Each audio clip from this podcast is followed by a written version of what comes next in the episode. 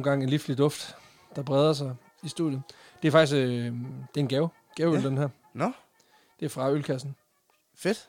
Jeg har faktisk gemt den til en special occasion i den forstand, at det her, det er, det er hot shit. Fuck, hvor nice. Jamen, det er, Den, øh, den har også en virkelig flot farve. det er belgisk. Du. Uha, uha. Vi, vi har jo sådan, med de her sådan, øh, uden for nummer episoder, så skal vi jo åbenbart drikke surt. Sidste gang, der drak vi brewery, øh, mm. amerikansk sour med, hen, med hvad hedder det, Jeg hindbær. med sur. Den, Det her, lug, det er- den lugter lidt ligesom ved, hvis du har... Øh, Det er stald. Det er stald, det her. ja, jeg skulle lige sige, den lugter, hvis du ikke har fået væske nok, og du går ud og tisser. Ja, det er Trefontainen, mm. som er belgisk øh, gøseblanderi. Og så er det fra en, øh, en serie, der Blanderi. Ja, det, det vil sige, de er gøse blenders. De brygger ikke, så, så vidt jeg ved, så brygger de ikke så meget selv. De blander bare Okay, gøse øh, med frugt. vildt nok. Så den her, den er faktisk, øh, den hedder Druif. Nå. Øhm, Så de er bare bartender. ja, ja, det kan man sige. Men det der så er, det er, at den her, den har ligget sammen med, øh, hvad hedder det, saft fra øh, muskatdruer, Mm. som så er en tredjedel af flaskens indhold, det er simpelthen øh, øh, frugtsaft. Så der er Vildt super nok. meget frugt i. Men øh, skål. Og velkommen til, i øvrigt, kære lytter. Ja, til velkommen vores, til. Øh, andet Q&A-afsnit. Ja. Vi lovede, at hvis der var interesse for, øh, for et Q&A-afsnit mere, jamen så, så, Så lavede vi sgu et mere. Og her har jeg også tilbage. Og vi øh, skrev ud, om øh, der var interesse for det. Vi fik en hulens masse spørgsmål tilbage.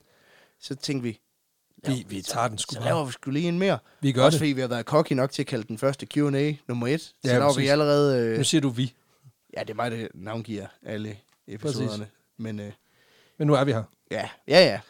Prøv at høre, kære venner. Det er super fedt, at øh, til de, til de øh, superfans, der lige øh, hopper ind her, eller superlyttere. Mm. Vi, øh, vi har fået en masse spørgsmål. Ja. Igen, Jeg igen. håber, det kan give lidt svar på På noget alt mellem himmel og jord, men også måske give jer et indblik i, hvad for nogle tanker vi går og har omkring Præcis, og man kan sige, i den, i den sådan helt øh, selviske verden, hvis vi lige skal hoppe ind i den et øjeblik, så ligger der jo også et element af, at øh, jeg har en kraftig fornemmelse af, at der er nogen, der også bare synes, at det, at vi sidder og snakker, Mm. sniksnakker, at det også kan være hyggeligt. Ja. Så det, den, den her går jo lidt ud til jer. Altså, hvor vi nørder lidt i vores eget... Øh, det er anden af egen Vores juice. eget øh, univers på en eller anden måde, ikke? Nu er det så mere øh, druer i egen gøse, vi er ude i her. Lige præcis. Lambik, teknisk Ja. set. Den her gang, der har vi fået spørgsmål både på vores øh, Facebook-side Og Instagrams. og Instagram. Og øh, vi har simpelthen gjort det sådan, at jeg har kategoriseret alle Facebook-spørgsmålene, ja. og du har ikke kategoriseret, men du har alle Instagram-spørgsmålene. Ja. Men øh, jeg har simpelthen lavet tre kategorier, og jeg tænker bare, at vi tager dem slavisk. Den ene, det hedder Behind the Scenes, som er sådan lidt en bagom tanker omkring podcasten, men som ikke Mm. nødvendigvis er særlig øh, relateret øh, til produktionen. Så er der et element, der hedder, øh, hvad hedder podcasten og processen, som er Ja. sådan mere, hvad man siger, teknisk. Arbejdsprocessen bag. Præcis. Og så til sidst så er det den, der hedder den personlige, som er sådan ligesom, der bliver spurgt ind til os Ja, og vores sådan personforhold eller et eller andet, som, er sådan, mm. som ikke har noget med podcasten at gøre i sig selv. Men jeg tænker, og jeg har, skal... øh, en, der er også den sidste kategori, der bare hedder lal. Ja, ja, okay, men så har jeg også en. Så burde, jeg havde nemlig også overvejet en fire, der bare hed This is too weird, Ja, når folk de nogle gange spørger. Altså, der er, der er et par gutter, som har spurgt, om vi vil komme og spise, øh, hvad hedder det, pasta og kødsovs med dem. Og bare lige sige, Axel, øh, øh, jeg tror sgu, det bliver et pas på den. Altså, ikke fordi, at... Øh, det er nok bare fordi, at, at det bliver meget sådan noget med, at vi skal sidde og være, og være vores øh, radiopersona, mens I sidder og spiser kødsovs. og det vil bare sige, altså, det, det tror jeg ikke, der er penge nok i verden til. Så havde vi lavet en OnlyFans. øh, lav en OnlyFans for det, sådan, hvis du betaler, når så kommer jeg fandme og spiser kødsovs. Ellers så kan vi lave det over Zoom. Jeg sidder derhjemme og spiser min egen kødsovs, som jeg, gider, som jeg har lavet. det er sådan en form for spaghetti-gudstjeneste. Jeg kunne selvfølgelig også bare begynde at sælge min kødsovs på, på, på OnlyFans. det skal du gøre. Det tror jeg er en dårlig idé. Og så, jeg tror hurtigt, du løber ind i nogle misforståelser, hvis du kalder det selv kødsovsefar. Så, Kødsovsefar. Eller Nå. bare, jeg tror egentlig ikke, jeg tror ikke, jeg vil begrænse mig til kødsovs. Jeg vil bare kalde mig selv for sovsefar. sovsefar, ja, så kommer du til at få en hel masse andre requests. For Og det er så fedt, sovs. og de må bare komme. Nå, skal jeg ikke starte? Fordi jeg har sådan Jo. det mest sådan basic. Det her, det er hønnen ja. eller ægget spørgsmålet. Øh, Det er Jonas Nyvad Skjørt, der skriver, hvorfor valgte I at starte en podcast? Fordi han skulle lave. Øhm, det kom jo lidt af, at øh, som jeg husker det, så vi var begge to blevet færdige på Journalisthøjskolen, Yes. og gik begge to og var lidt ledige, havde lidt små jobs, men øh, havde egentlig rigtig meget plads i vores hverdag. Øhm, så på den måde, så er det også meget fedt at have et kreativt projekt at kaste sig over. Et eller andet, hvor man også kunne få lov at bruge de kompetencer, man havde samlet op, men også få lov at udfolde sig lidt og prøve at eksperimentere lidt med, hvad kan det her, hvad kan det her? Meget af det, vi har lavet, har været meget seriøst.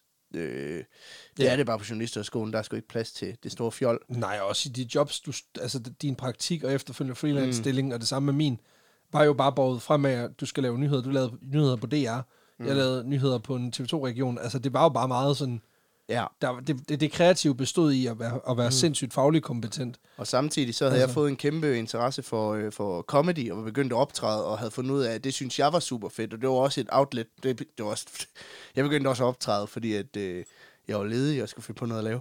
Øh, ja. Så på den måde, så var det også et outlet der, og prøve at se, jamen, hvad kunne det, kunne det føre til noget? Og der er det fede ved en podcast, at jamen, hvis du efter tre episoder finder ud af, det er sgu ikke lige mig, så drukner Ja, den jo så- lidt og så- fader øh, ind i obskuriteten på en eller anden måde, ikke? Præcis. Hvilket den jo så ikke gjorde. Nej, Altså, fordi vi blev ved. Altså, det var konsistensen. ja, det var det, der var satans. Det var jo, vi blev ved. Ja, ja, præcis. Det var fejl nummer et.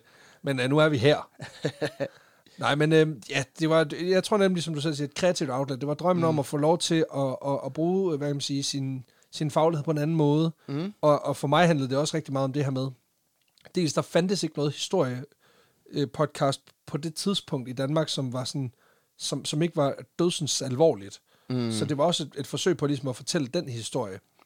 Og så øh, øh, tror jeg også bare, det er der med, at, at altså, det kunne være rart at lave noget, som, hvor man selv 100% var chef over det. Altså jeg, havde, jeg kom fra en periode i mit liv, hvor jeg i 3-4 år bare havde taget alt ind, hvad voksne havde sagt, at jeg skulle gøre.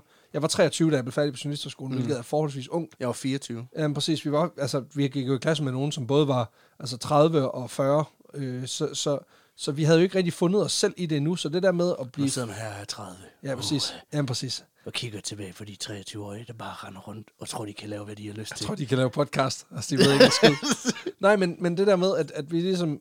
Vi faldt bare meget hurtigt ind. Jeg faldt meget hurtigt ind i det der med, at, at, at lade, mig, lade mig diktere mm. af, hvad andre... Jeg kan selv huske, det, det første, jeg skrev i en jobansøgning, det var vidderligt, at jamen, jeg, jeg det er en fordel, jeg er ung, for jeg er modulerbar. Så jeg har ikke en masse holdninger endnu, så I kan, så I kan sådan set bare I kan forme mig, som I har lyst-agtigt. Og det, var, det synes jeg var en fed ting. So ikke? young, so pure. Ja, præcis. Og, og, og det kan jeg bare mærke nu, at, at, at altså, det, det var jeg blevet træt af. Altså det der med, at det var andre, der skulle fortælle mig, hvordan jeg skulle mm. gøre det. Og den vej, jeg selv synes, jeg havde fundet, den, den var åbenbart ikke lige så god. Og nu, nu er det jo sådan, at nu laver vi det her, det er rimelig meget... Altså det er jo hver gang, vi får en åndssvag idé, så gør vi det jo bare. Ja, ja. Og det har vist sig, at det fungerer sgu egentlig meget godt. Altså, så de er jo ikke så åndssvage igen, kan man sige. Nå. Nå, men det var i hvert fald vores motivation. Jeg tænker, at Ja. vi tager en fra min og en fra din, Ja. og så kører vi. Så kører vi. Jeg, jeg tror, han hedder Asker, Ja. men hans øh, navn, det er Asker. To A'er, to S'er, to G'er, to E'er, to. R'er. Det hele. Øhm, han spørger, har I nogensinde tænkt, at en historie var for grov til at lave et afsnit om? Ja. Ja. altså, det er også det der med, at, at man skal huske på, at når vi laver, sætter os ned og gør det her, så er det jo for den enes vedkommende helt uden manus. Mhm. Mm. Hvilket vil sige, at Man ved aldrig, hvad den anden har taget med. nej, men man ved heller ikke, hvad man selv kommer til at sige i løbet af en episode. Så der er noget i forhold til, at man skal passe på med at sætte den anden alt for meget op til at sige en masse upassende shit. Øh, især fordi, at, at der er stort set ikke noget, det kan jeg jo lige så godt deklarere, det, hvis folk er i tvivl. Der er meget lidt af det, vi siger, når vi er i synk. Altså, når vi er i gang med episoden. Når vi så siger et eller andet, der er helt vildt upassende. Det er meget sjældent, hvis nogensinde, at vi mener det, vi siger. Altså på den måde, at det er faktum, men det er også bare en eller anden tankestrøm, der går ud af en tangent. Tit bruger vi det jo også til at illustrere, hvor absurd en Ja, tanke er. Præcis. Øhm, nu udkommer det her øh, øh, Lige før en episode. lige før en episode, som faktisk er relativt grov. Helt som vildt. er et relativt groft emne, og som Helt handler om nogle sindssyge... Øh, Fordomsfulde røvhuller, der, ja. der, der, der, der, men hvor vi også netop bruger nogle eksempler til at sige, og så siger vi virkelig nogle grimme ting, men det er jo illustreret af, for at give et billede på, hvad var det rent faktisk for et menneskesyn, og køre det menneskesyn ud i sådan en absurditet, hvor man ligesom får en idé om, hvor sindssygt det egentlig er. Præcis. Det er jo parodi i Det, princippet. det er parodi. Og karikatur. Mm. Og så er der nogle andre typer historier, som bare ikke er os. Altså, øhm, jeg fortalte faktisk om det i, i, mit, mm. øh, i, mit, i forhold til mit valg af af Halloween-historie. Ja. At der havde jeg jo kigget på en øh, japansk øh, barnemorder, der også øh, var kannibal. Mm. Hvor jeg bare kunne mærke, altså der var bare alt i min krop skreg, det skal du ikke. Altså, En ting er, at det skal vi ikke, en anden ting er, at det skal jeg ikke. Altså, jeg mm. synes ikke, det er underholdning. Øh, jeg kan godt se det som, som formidling, Mm. men altså, det er også derfor, at de true crime podcasts, jeg for eksempel lytter til, altså, der bliver længere og længere imellem. Og det er ikke fordi, at jeg ikke anerkender, at det også kan være underholdende for nogen. Det er det bare ikke for mig. Og derfor er der ikke nogen grund til, at jeg laver det. Så Nej. der er nogle historier der, hvor jeg ikke vil synes, det er interessant. Dermed ikke sagt, at vi ikke kommer til at lave historier mm. om morder og, og, og, og, og krigsforbrydere og alt muligt. Men der skal bare være noget mere i det. Eller en interessant vinkling, eller et eller andet. Øh, de, de der bestialske mor er bare ikke lige mig. Altså, øh, jeg går meget efter historier, hvor der er noget kuriøst. Altså, der er en eller anden skæv vinkel. Øh, eller hvor jeg tænker, okay, det der det er bare grineren. Eller hvor jeg tænker, okay, det er super interessant. Ja. Øh, jeg har også kommet på historier om, øh, om massemord. Øh, for eksempel sådan en... Jeg har flere omgange kigget på en historie omkring øh, Columbine. Okay. Ja. Øhm, fordi jeg synes faktisk, det er en super interessant historie. Problemet er, at vi er en historiepodcast, vi er også en underholdningspodcast. Den og jeg har svær. enormt svært ved at drive noget underholdning på en begivenhed, der handler om to teenager, der går ind på en skole og mejer alle deres venner ned. Fordi, ja, præcis. Altså, og vi kan sagtens lave noget, noget, noget på deres tankegang, og hvor forkvaklet, og hvor skæv, og hvor bestialsk den er. Men jeg tror, noget af det, det ligger bare for, det er for nyt til, at man kan sige, du kan ikke grine af det. nej, ikke nu. Altså, Nej, du kan, det er også svært at gøre. Altså, det er virkelig svært at lave en underholdning. Altså, under, eller lave noget Mm. underholdende på det, tænker jeg umiddelbart. Det kan være, at jeg lige pludselig finder vinklen, hvor jeg tænker, det er kraftigt. Så kunne jeg godt Der var den, ja. det. Øhm, Jamen, det sker også. Altså, jeg har jo også øh, Jonestown-massakren. Ja, øhm, men det har ikke en skid at gøre. Altså, der, vil jeg, jeg tror jeg faktisk, jeg vil gøre det lidt, ligesom jeg gjorde med, faktisk med Halloween. Altså, det der med, at selve, selve massemordet er ikke interessant for mig. Altså, så er det alt det op til. Altså, en mand, der, der, der manipulerer tusind mennesker til at flytte til fucking Guyana Ja. af alle steder. Sindssyg historie. Altså, vanvittig historie. He- hele det der sådan morting, altså, mm. så, så kan man måske spænde lidt på, at, at, at, at, at han ligesom er nået til et punkt, hvor han siger, okay, jeg kan, ikke, jeg, kan, jeg kan ikke komme op på næste level. Jeg bliver nødt til at gøre et eller andet. Så kan man Ja. køre en eller anden video, altså et eller andet videospilsreference, eller gøre et eller andet. Men, men, men det er bare ikke sjovt. Altså, det er ikke, det er ikke morsomt, at folk de er gået frivilligt i døden for, for en semikommunistisk kult, de Nej, nej. synes bare var fed. Altså, Men det... Øhm, så der er helt klart noget, altså, hvor vi engang imellem tænker, at den historie er for grov. Det er aldrig sådan, at jeg lægger den helt væk og siger, at den kommer aldrig til at lave. For det kan være, at man finder et greb på den, hvor man tænker, okay, hvis jeg griber den anden fra den her vinkel, eller lægger det her nedover, så kan den lige pludselig et eller andet, hvor vi ikke kommer over i det der, hvor det bare bliver bestialsk og mærkeligt og, og dark. ja. men hvor man stadigvæk godt kan fortælle det på en, på en underhold. Men, øhm, så der er historier i hvert fald, der ligger sylt lidt på en eller anden måde. Jeg vil sige, der er nogle ting, jeg godt kunne tænke mig at prøve på et tidspunkt. Men mm. det er, hvis vi en dag begynder at lave øh, særepisoder med gæster.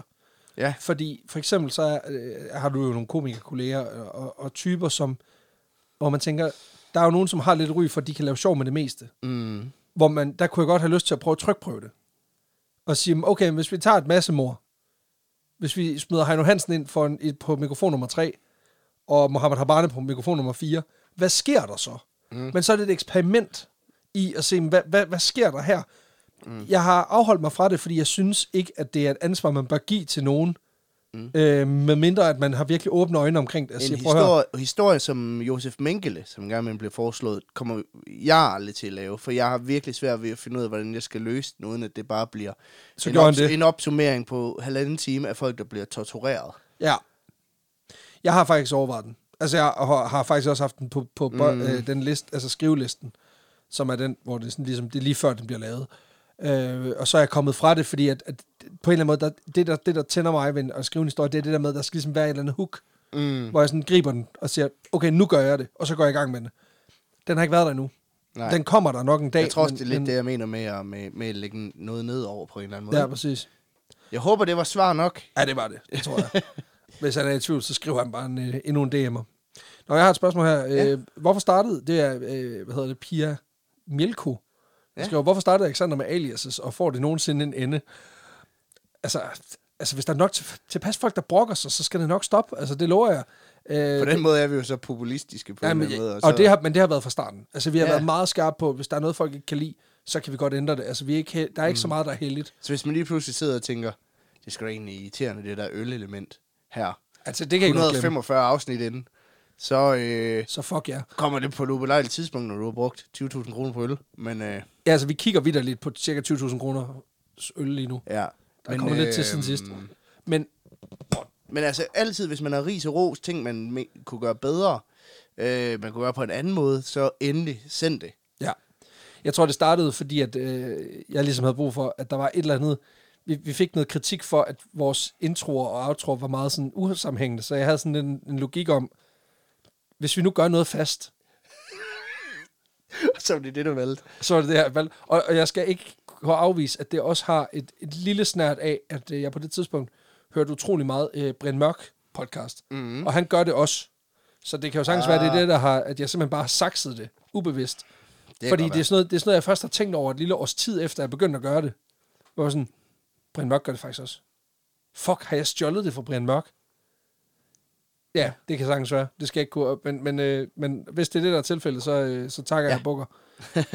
men øh, får det inde? Måske. Hvem ved? Ja. Jeg har faktisk et, øh, et spørgsmål i den forbindelse også, Ja. som er fra Steffen, der spørger, finder Alexander på sin navn på stedet? Ja. Altså, du kan jo høre det på kvaliteten for helvede. Du kan også høre det på den akavede til- stillhed øh, ved nogle af vores live shows. Det er også jeg derfor, at nogen kan gange siger, Steffen 68. Ja, præcis. det skal faktisk sige, at det sker en gang imellem, at jeg for eksempel, øh, hvis jeg har været presset i en periode, at vi skal ud og lave live show, mm. øh, så gør jeg det, at jeg står bag scenen, Ja. og så, så ligesom den øh, scene fra, øh, fra Kasper Modeller-talen, hvor øh, Lasse Remmer spiller en DJ, ja. der, der hele tiden bare liger nye navne af, og siger MC Flemse, MC Kogle, MC Mowgli, DJ, DJ Kogle. Så står jeg og gør det bag scenen, indtil jeg finder noget, der føles rigtigt. Og så ja. Prøver jeg at huske det, og så glemmer jeg det, når jeg går ind. Men det er lige meget, fordi Og så, så har der, jeg... Der står derude bagved, Droopy, Droopy McCool.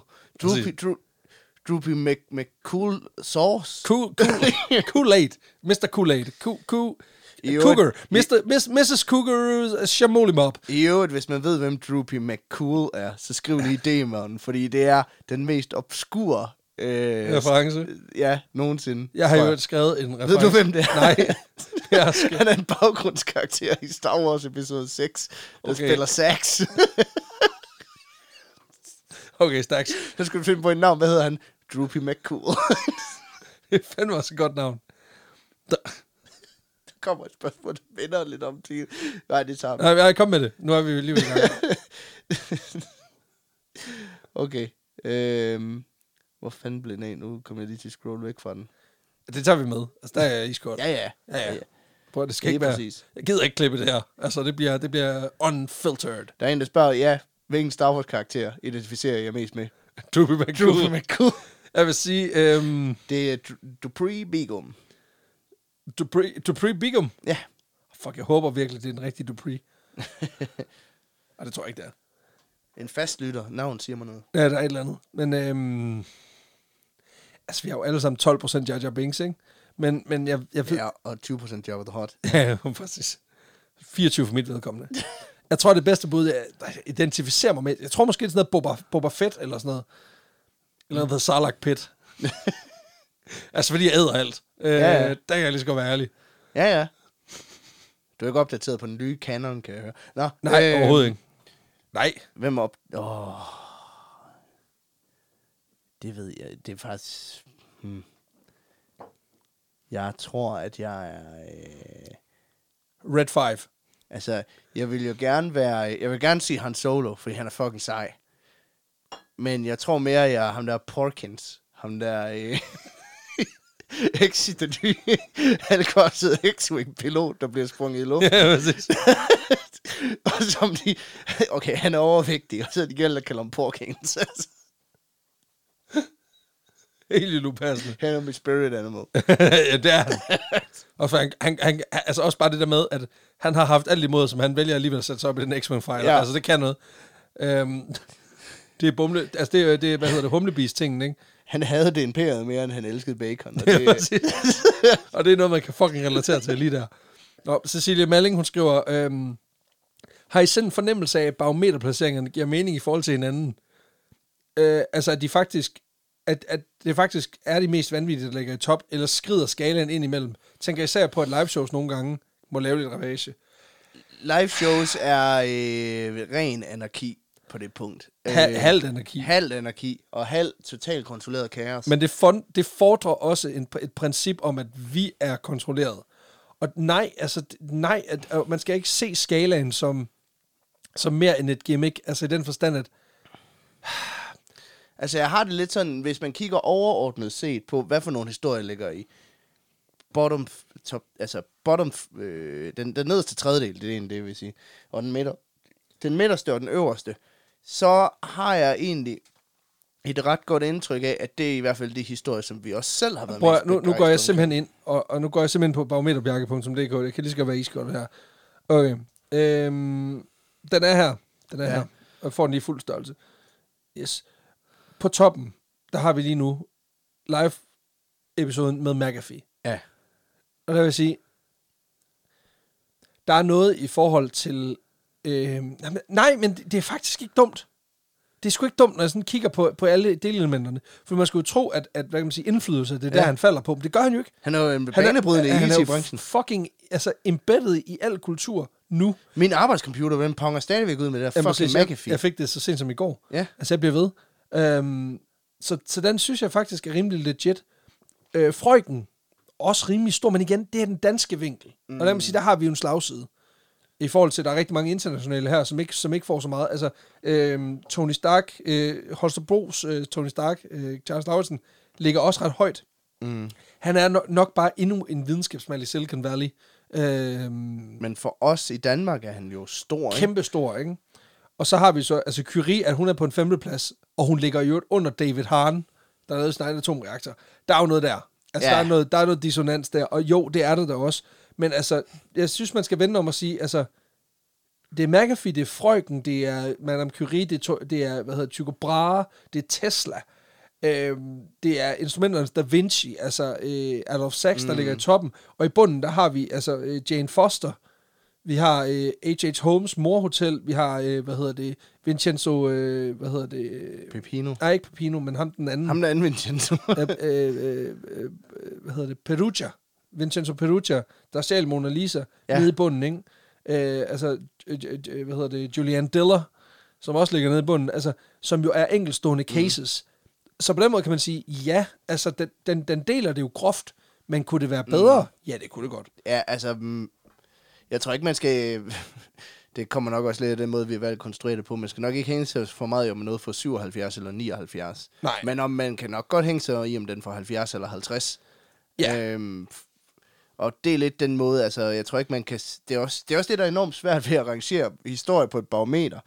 Det er, at der er så uf- uf- ufattelig mange ting at tage ja. I mente. Vi har så valgt at prøve at kode det ned til fem ting, som ligesom er vores kriterier. 100 procent.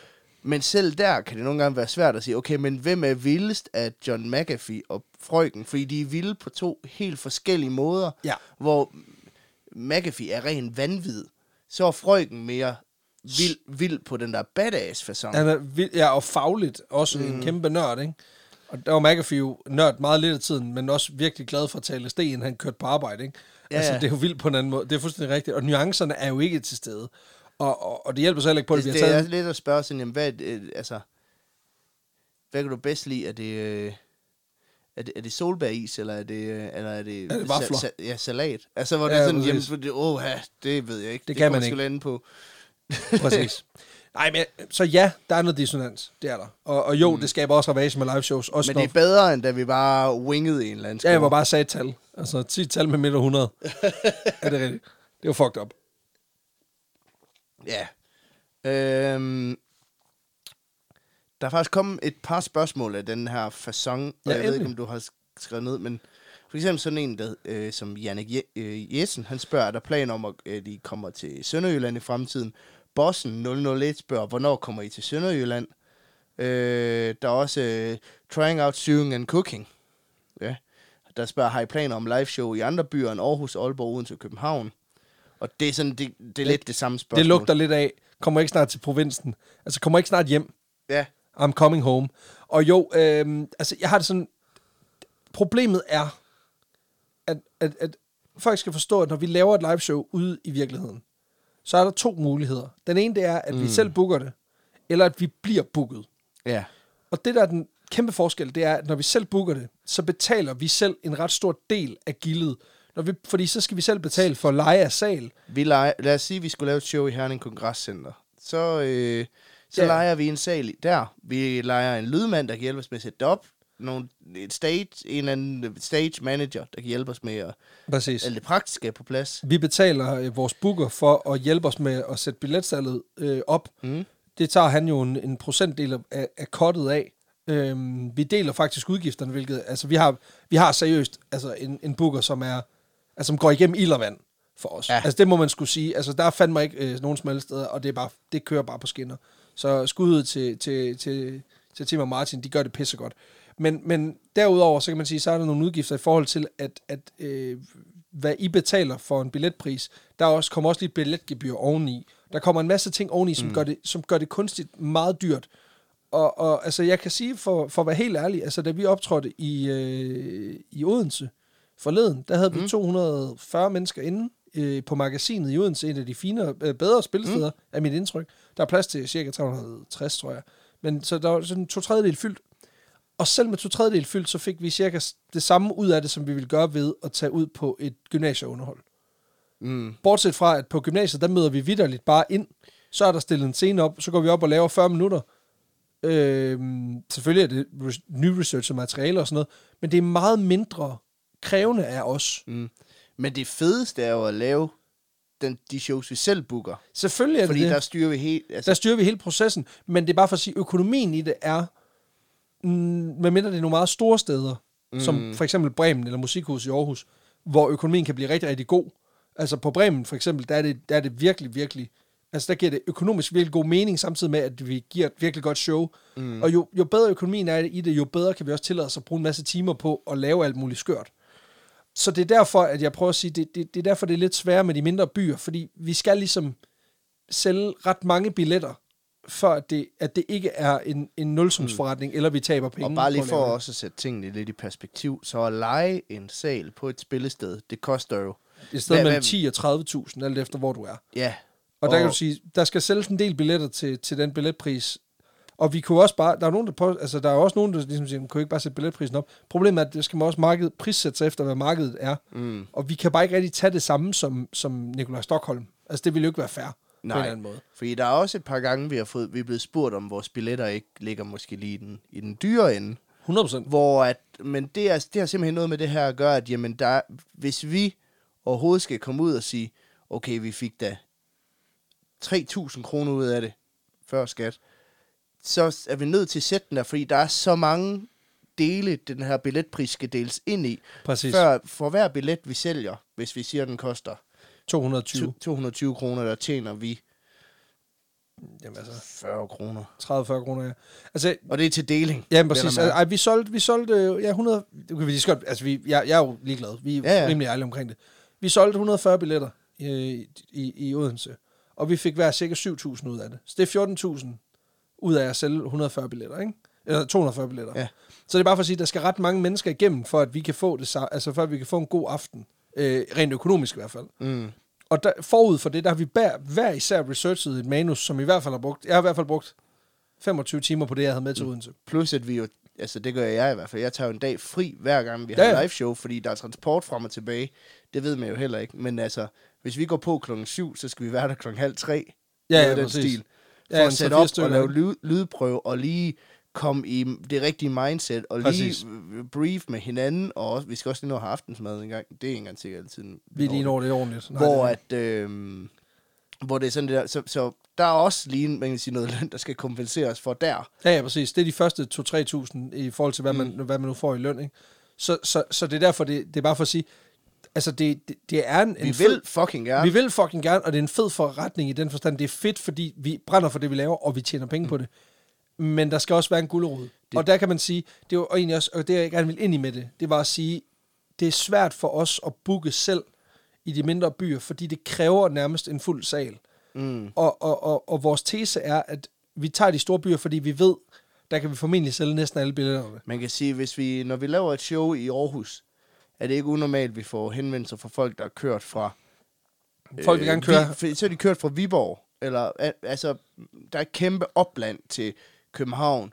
O, altså Odense, det er jo stort Det er set midt i he- midt i- det er midt i hele. Fyn, der, der, der kan til, altså, Der er også et par jyder, der kommer, for at fordi man kan sige, hvis man vælger at lave et show i, Sønderborg ja, eller Esbjerg. at så lige pludselig, så er der langt for langt de fleste danskere, og så vores sandsynlighed for at sælge de billetter, der skal til, for at vi tjener det ind. Altså bare for, Bare at, for, vi at det går i nul. Ja. at den er, det er lavere. Men jeg vil til gengæld også opfordre til, at hvis man sidder derude, og så prøver at høre, vi er fandme 30 gutter i øh, øh, Sønderpølle sted, et eller andet sted. Øh, vi skal fandme nok købe de første 30 billetter.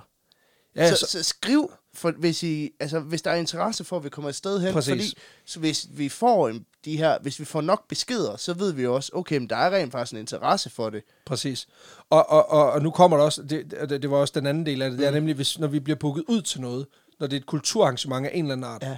så er det jo ikke fordi, altså, men det er bare, der kan de, der kan de så sige, jamen I kan få x 10.000, 15.000 for at lave det. Og der, er de jo ikke, der går de ikke lige så meget op i, at de skal sælge 300 billetter. Mm. Så der kan man sige, der kan godt være at forholdene for, for liveshowet ikke er den samme, fordi det ikke er den samme oplevelse, for vi går ikke, der kan det godt være, at vi ikke giver den lige så meget gas i forhold til, at vi laver alt muligt på scenen og noget scenografi og sådan noget. Men hvis man gerne vil ud og se, hvordan er vi, når vi er live, så er det lige så godt at få, altså se om man kan lokke de lokale høvdinger til at lave et kulturarrangement, mm. og spørge, om vi vil komme og, og, og lave det. Fordi der, altså det er i hvert fald mere økonomisk forsvarligt for os.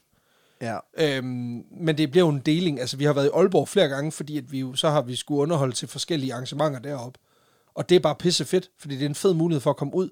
Det er bare, settingen er jo selvfølgelig ikke den samme. Nej. Men jeg tror egentlig, vi vil det jo gerne. Altså, jeg vil sygt gerne til Sønderborg. Jeg er fucking født i Sønderborg. Altså, Altså, jeg, har det, jeg har det også sådan, jeg synes, det kunne... Altså, jeg tror, når man er opvokset i nærheden af Herning, så er den største drøm, det er jo at stå øh, i boksen. Ske. men hvis man så ikke er totalt lallende idiot, så øh, kan man også godt sige, kongresscenter, det er også okay. Ja, præcis. Altså, Jamen, præcis. Så kan jeg tage min familie med ind og se, de, altså, de har aldrig rigtig set... De ved ikke, hvad fuck det her det er. Nej, altså, nej, jeg præcis. prøver at forklare til min farmor, så er hun sådan, jamen er det sådan ligesom Niels Havsgaard, du spiller på guitar? Og Sådan, Nej, jeg synger bare lidt en sang om Pokémon en gang. Altså, Jeg tror egentlig, altså vi, vi vil jo gerne. Altså Sønderborg, Herning, øh, Esbjerg, altså vil sygt gerne. Mm. Det er bare lidt svært. Øh, og det kræver bare rigtig meget. Og vi vil, det handler også om, at billetpriserne ikke skal stikke fuldstændig af. Altså hvis det helt skulle gå økonomisk op, øh, nu bliver det meget sådan noget økonomipis, men det, er også bare en, det er også bare en forudsætning, fordi jeg tror ikke, der er nogen af jer, der lytter til det her, der har lyst til at give øh, og, og lægge øh, 40 timer mm. i noget, som I så fik øh, øh, det ved ikke, 30 kroner i timen for. Altså, så skal ja. man fandme ville det. Faktum er jo også, at vi, vi er jo nødt til i hvert fald at vide, at der er et mark. Altså, det, er jo, en- det handler jo egentlig om, om, om udbud og efterspørgsel. Så, og lige nu kan vi se, at der er efterspørgsel i de store byer. Og det har nok også noget at gøre med, at der er et kæmpe opland, og folk de køb, kører fra øh, Så kører de jo ud fra... Ølle Pølle sted. Så kører de jo nemlig for, for ty for Ja. at se det i Aalborg. Ikke? Men hvor at, øh, men hvis I mener, jamen prøv at høre, vi har kraftet øh, her i Tisted, der, der er det bare et spørgsmål om, at vi skal have solgt de der billetter. Så skriv, fordi hvis vi lige pludselig kan se, okay, men hold kæft, der er sgu da mange, der gerne vil have, at vi kommer til Tisted egentlig.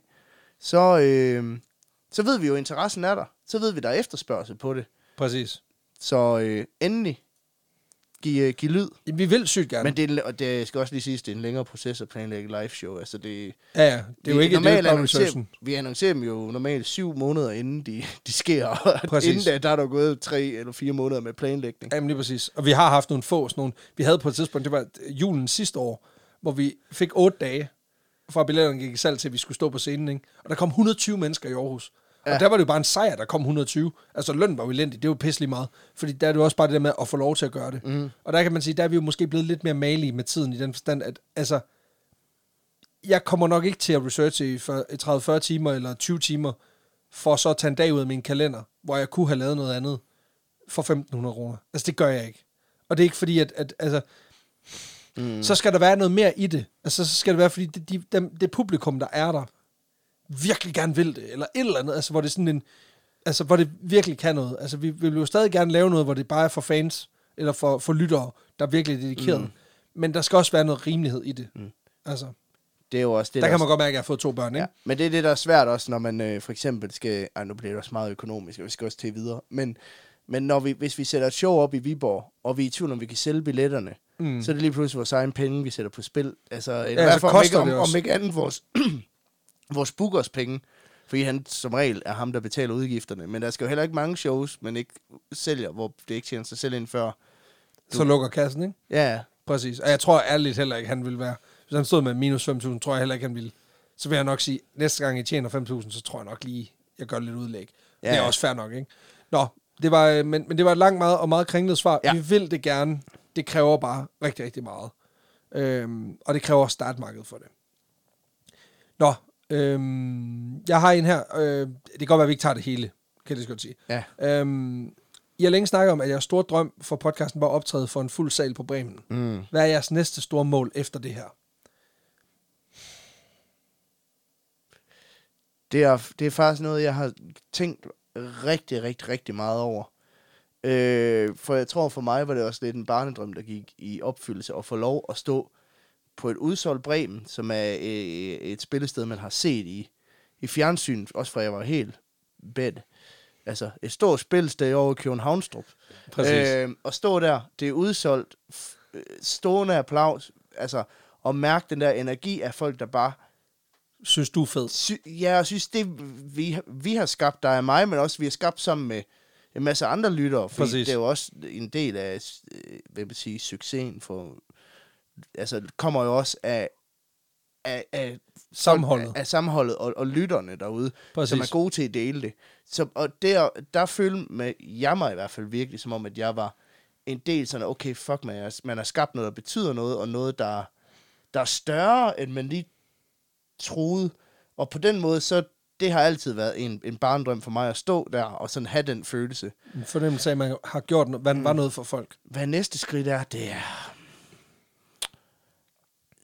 åben øh, orange. Ej, det må du ikke sige sådan noget. Det er så latterligt. Men det er også meget min, min, min næste drøm, det er at optræde på en festival.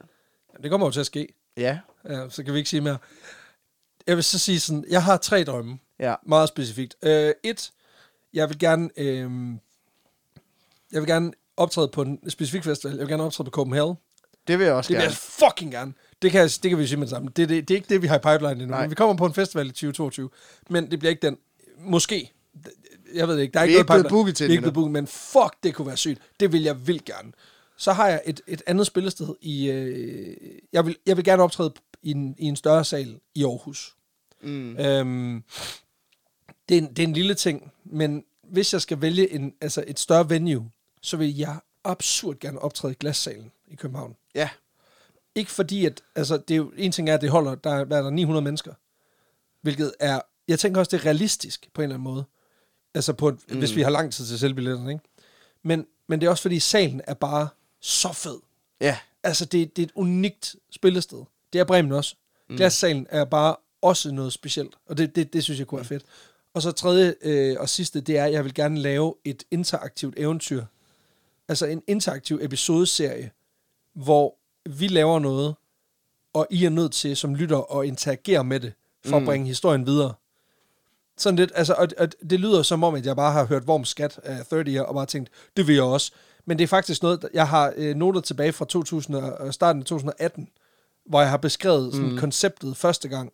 Og jeg kan fortælle, at øh, vi arbejder faktisk, jeg arbejder lidt på sammen med vores, øh, dem vi, der hjælper os i forhold til annoncering, og måske at prøve at finde en, en, en, en kommersiel partner på et projekt mm. af den her karakter. Og jeg har allerede et, et, et outline til, hvordan det skulle foregå. Og det ville blive sådan noget med, at community skulle engageres, og folk skulle rundt og løse små gåder og sådan noget. Og det, det, sådan noget, det synes jeg bare er fedt. Ja, ja, sådan der noget med- synes jeg også er super fedt. Det der med, at, vi kommer, at, vi at podcasten kommer ud fysisk, men at det ikke nødvendigvis er os, der står på en scene, men mm. at, at folk selv skal arbejde med det, det Så- kunne være fedt. Rent, øh, og nu bliver, det, nu bliver det igen tal, men jeg er lidt en, altså, for af, af en, der ikke er matematisk studerende, så er jeg meget besat af tal. Ja, Øh, jeg tilbeder også en trekant, når jeg kommer hjem. Og sådan ja selvfølgelig. øh, Du har holdt men altså, i fem år. øh, hvor, øh, fra øh, 2020 til 2021, der øh, vækstede vi rent afspilningsmæssigt øh, med cirka 33 procent. Vi Ja. havde omkring øh, øh, 2 millioner afspillinger sidste år. I år har vi haft, ja, sådan te- tenderer til at have to, ja, 2,6 cirka. Ja. Og der er øh, mit mål rent talmæssigt at øh, lave den samme udvikling fra 2021 til 2022. Og det vil være sindssygt. Øh, også fordi, at så vil det passe med, at vi går ud af 2022 med 7 millioner afspilninger. Og det vil være helt vildt. Ja, det vil, det vil være helt vildt. Øhm, et andet konkret mål, det er, at jeg kunne godt tænke mig, at øh, det er noget, jeg godt kunne tænke mig at arbejde mere på i 2020, det er også, øh, eller 2022, det er generelt at skabe mere opmærksomhed gennem, øh, hvor det er knap så meget, at vi skal ud og markedsføre os, det er mere at skabe opmærksomhed omkring, at øh, nu vil jeg godt tease, der kommer et, et lidt special show-agtigt i, til næste år, Mm. som snakker i selv. Åh ja, for helvede. Ja. Åh ja. Øh, prøv at skabe, oh. noget, øh, skabe noget larm der. Kunne man komme en tur i, i ikke bare Godmorgen Danmark, men fandme God Weekend Danmark. Wow. Ja, præcis. Aftenshowet. Kunne man et eller andet der? Øh, det er sådan noget, det begynder at blive mål for mig også. Det der med at, jamen, at skabe noget mere opmærksomhed, som ikke kun er noget, vi selv går ud og siger, hey, Vi er her også. ja, Jamen, det der med, at bli- det er jo sådan en, en anerkendelse, ikke? Det er jo at blive anerkendt af folket, eller af, af, af medierne, som at, at vi findes. Der kan jeg godt mærke, at vi nogle gange, jeg føler mig nogle gange lidt bagefter. Altså det der med, at vi er jo, vi er jo sådan en mærkelig hybrid, fordi vi er ikke mm. rigtig på nogen måde comedy. Vi er heller ikke rigtig, vi er ikke rigtig formidlere, historieformidlere, vel? Altså, vi, Vi er, er sådan en, bare. vi er sådan en mærkelig mellemting, ikke? Så det, det er som om, ja, vi hører ikke rigtig til i nogle af miljøerne. nej. Og det kan jeg godt bruge, at, vi, at, at, at, at der bliver også bliver anerkendt, okay, de findes, og de, de gør det faktisk, de gør et stykke arbejde. Ja. Det, det, det kan jeg jo sådan set godt følge. Ja. Altså, og så også det med vækst. Det er også bare det med, at det er fedt, at der er mange, der lytter til det. Mm. Det, er jo- det er jo også, en, altså det gør jo en glæde i sig selv, selvom at jeg vil sige, communityet er jo fucking vanvittigt. Altså der er, jeg vil våge at påstå, der er ikke nogen podcast i Danmark, der har et, altså det, vi har sagt det før, vi har ikke, der findes ikke nogen, der har fede, lyder, ly- federe lyttere, og sådan mm. er det bare. Men, men også federe, dedikerede lyttere, ja. som går sammen og dyrker. Det findes ikke bedre. Det Nej. gør det ikke. Altså, og det, det, det er no Altså, contest. Der, der, er, der er jo noget... det er tenderende til uhyggeligt. det er, jo, det er med på. det er jo en helt bizarre oplevelse, men nogle gange kan... Altså, det er ikke selv... Jeg var på popcrawl her i, øh, i weekenden, hvor at... Øh, jeg kan ikke huske så meget, men det jeg kan huske, det er, at vi står på sted nummer 11. På det tidspunkt, der har drukket 5,5 liter øl. Så du er der. Så undskyld, hvis det... Jeg kan ikke engang huske, hvad du hedder. Du fucking sendt afsted. Men øh, jeg ved godt, jeg var lidt uschammerende. Men det var fandme ikke med vilje. Fordi at jeg var meget glad for at møde dig, til gengæld. Hvor der bare kommer en op, og så siger han, Nå, fordi vi larmede lidt. Så kommer han og siger, Nå, du har ikke fået silkejakken på i dag. Og så, Hey! og så er jeg bare sådan, hvad? og så siger du har ikke fået silkejakken på. Hvad, hvad mener så bare, Og så skal han forklare sin egen Ja, joke. men det, er jo- det er jo fordi, at du er jo ikke helt, du er ikke helt lydløs i dag. Nå! Og så er jeg bare sådan, Nå! og så gav jeg ham en krammer, og så blev jeg meget sådan, Nå, det, er- det er fedt, det I laver, og så gik han. Ja, selvfølgelig. det, det ville jeg fandme også have gjort. Ja, det jeg fa- det er utroligt, altså, at det no harm done, jeg hele tiden sindssygt nok, at han approacher dig alene. Uh, det, Det, ja, det fandt jeg heller ikke. Han turde slet det, ikke. det, synes jeg også er sindssygt. Um, og det, det bringer mig faktisk naturligt videre til næste spørgsmål, som Mette Lykke Fyrsten kommer med. Hvordan har I det med, at folk ser på gaden i hverdagen og gerne vil hen og sige hej? Er der tidspunkter, hvor I vil ønske, at man lod være? Jeg er selv generet med sådan noget, og ved sgu ikke, om jeg ville ture, hvis jeg skulle se jer på gaden. Og ikke til det jeres shows, hvor I jo er indstillet på at møde fans. Prøv at høre. Det er noget af det fedeste. Altså, I, jeg tror slet ikke, folk forstår, hvor fedt det er at blive anerkendt for det, man... Altså jo, Ja. selvfølgelig gør folk det. Så lige så, lige så glade som, lige så glade som I bliver for at, at, at blive anerkendt for noget, I gør, lige så fedt er det jo for os mm. at blive anerkendt for det, vi gør. Ja, Øh, jeg var ude på en optagelse øh, på et øh, job, altså på en, jeg var ude og lave noget fjernsyn for det her, og så på et tidspunkt, jeg er på vej ind i en netto, fordi jeg skal lige have noget, øh, noget frokost og en vand og sådan noget, og så er der en, der stopper mig, der er på vej ud, Mm. Og så kigger han på, mærker på mig, så lyser han helt op og siger, fed podcast, og så går han bare videre. Mm. Jeg Jeg, jeg var sådan, okay, jeg bliver lige 10 cm højere, og så var, var, jeg havde bare super meget fed energi mm. resten af når dagen. jeg optræder med stand-up, er der også tit folk, der hiver fat i mig og siger, fuck lorte stand-up, Ja, fed, fed, fed podcast. Ej, men, Satans. Og det er, jo, det er jo super fedt. Og nogle gange, altså, behøver, altså jeg er også typen, der er meget generet og introvert af, af, af natur. Men for mig betyder det stadigvæk enormt meget. Jeg er ikke typen, der kan stå og snakke i flere timer. Fordi at i princippet så snakker jeg om mig selv, og det Ja, synes det, jeg det er mega mærkeligt. Men altså, selvfølgelig, hvis man synes noget er godt, så altid, altså jeg er også typen, der altid roser kokken, fordi øh, man skal fandme give anerkendelse. 100%. Øhm, så endelig kom op og sig det. Øhm, det, som man måske også lige skal have en, en, en mente, og det er mere, som man heller ikke går derfra og, synes, og bliver skuffet, det er, at øh, øh, en gang imellem, så når, hvis man går på gaden, kan det være, fordi man er på vej et sted hen. Det kan være, fordi man er travlt. Det kan være med, med, med bussen. Der, der kan være alle mulige Der er scenarier. alle mulige scenarier. Hvor det er også det der med, at det ikke altid, man har, at vi, i hvert fald for meget vedkommende, øh, har den mega meget tid til at stå og snakke. Øh, Nej. Fordi jeg er meget typen, når jeg skal ned til toget, så er jeg meget fokuseret på at skal derhen. Ja, så Og, blive holdt øh, op. Ja, og så er det sådan det der, okay, så vil jeg hellere, jeg vil heller ikke være typen, der står der sådan, okay, ja, jeg skal også, ja, men jeg vil, altså, Nej. Så er det meget fedt at bare lige sige, hey, hvad så? Og så kan man jo altid stoppe og snakke, hvis det, Præcis. hvis det er det. Så jo, det er, ydmy, altså, det er ikke ydmygende, men det er uh, humbling. Altså, det Ja. er, man bliver meget sådan bevidst om, okay, vi laver noget, der er fedt. Ja. Hvor Ja. er det sindssygt. Endelig, altid sige, hvis man synes, det er fedt. Fordi Ja, endelig det, kom hen og sige hej. Vi vil vildt gerne se folk. Så alt er godt. Godt. Øhm, jeg ved ikke, om øh, du har en, eller om jeg bare lige skal Jo, tage en hurtig. jeg har også en øh, her. Nu skal jeg lige prøve at se. Øhm, for i mange rettelser, det er fra Nørreskov. For i mange rettelser, synes tit, de siger, at man skal skrive, men hvis man har, men de siger aldrig, om I har fået nogen. Og en gang imellem husker vi at i tale sæt, men så er det sådan noget, efter 15 afsnit, hvor det sådan, i øvrigt, kan du huske det, vi sagde det der? Passer ikke. ja. Øhm, det, Jeg, jeg tror måske, at, at det, det, er meget, det er meget realistisk at sige, at hver tiende episode, der er der øh, et eller andet, som er øh, tenderende til, altså ikke problematisk, men, men hvor der er noget, hvor vi har fucket det op. Og det sker jo også, at vi Mm. internt i en episode starter med at sige et årstal, og så ændrer det sig i løbet af, mm. af episoden, fordi altså, vi simpelthen... langt det meste af det, der øh, bliver rettesat, det er for eksempel, hvis man, øh, når vi liger noget af, altså, når det er sådan et eller andet, at man vil skyde lidt fra hoften, det er typisk det, hvis man ikke er den, der fortæller historien, så er man sådan, Nå ja, jamen det, øh, for eksempel hvis du siger, jamen der er jo også kun øh, små øh, øh, 45 km til Italien, Hold kæft, den har fået mange beskeder. Altså, Ja, ja, hvor det faktisk sådan, der er overhovedet ikke så, der er meget længere til Italien. Ja, ja. Hvor det er sådan lidt, jamen, ja, ja, men jeg har jo ikke skrevet ned. Altså, Nej, nej. jeg, jeg gætter jo. Ja, Altså, ja, det er også det. Men, Ja. ja. det, øhm, men det er typisk den slags rettelser, vi får. Det er på det der, der bare kommer sådan, som sådan en... Ja, ja, præcis. Og der vil jeg sige, der, altså der får man jo ikke så meget anerkendelse for de gange, man har ret.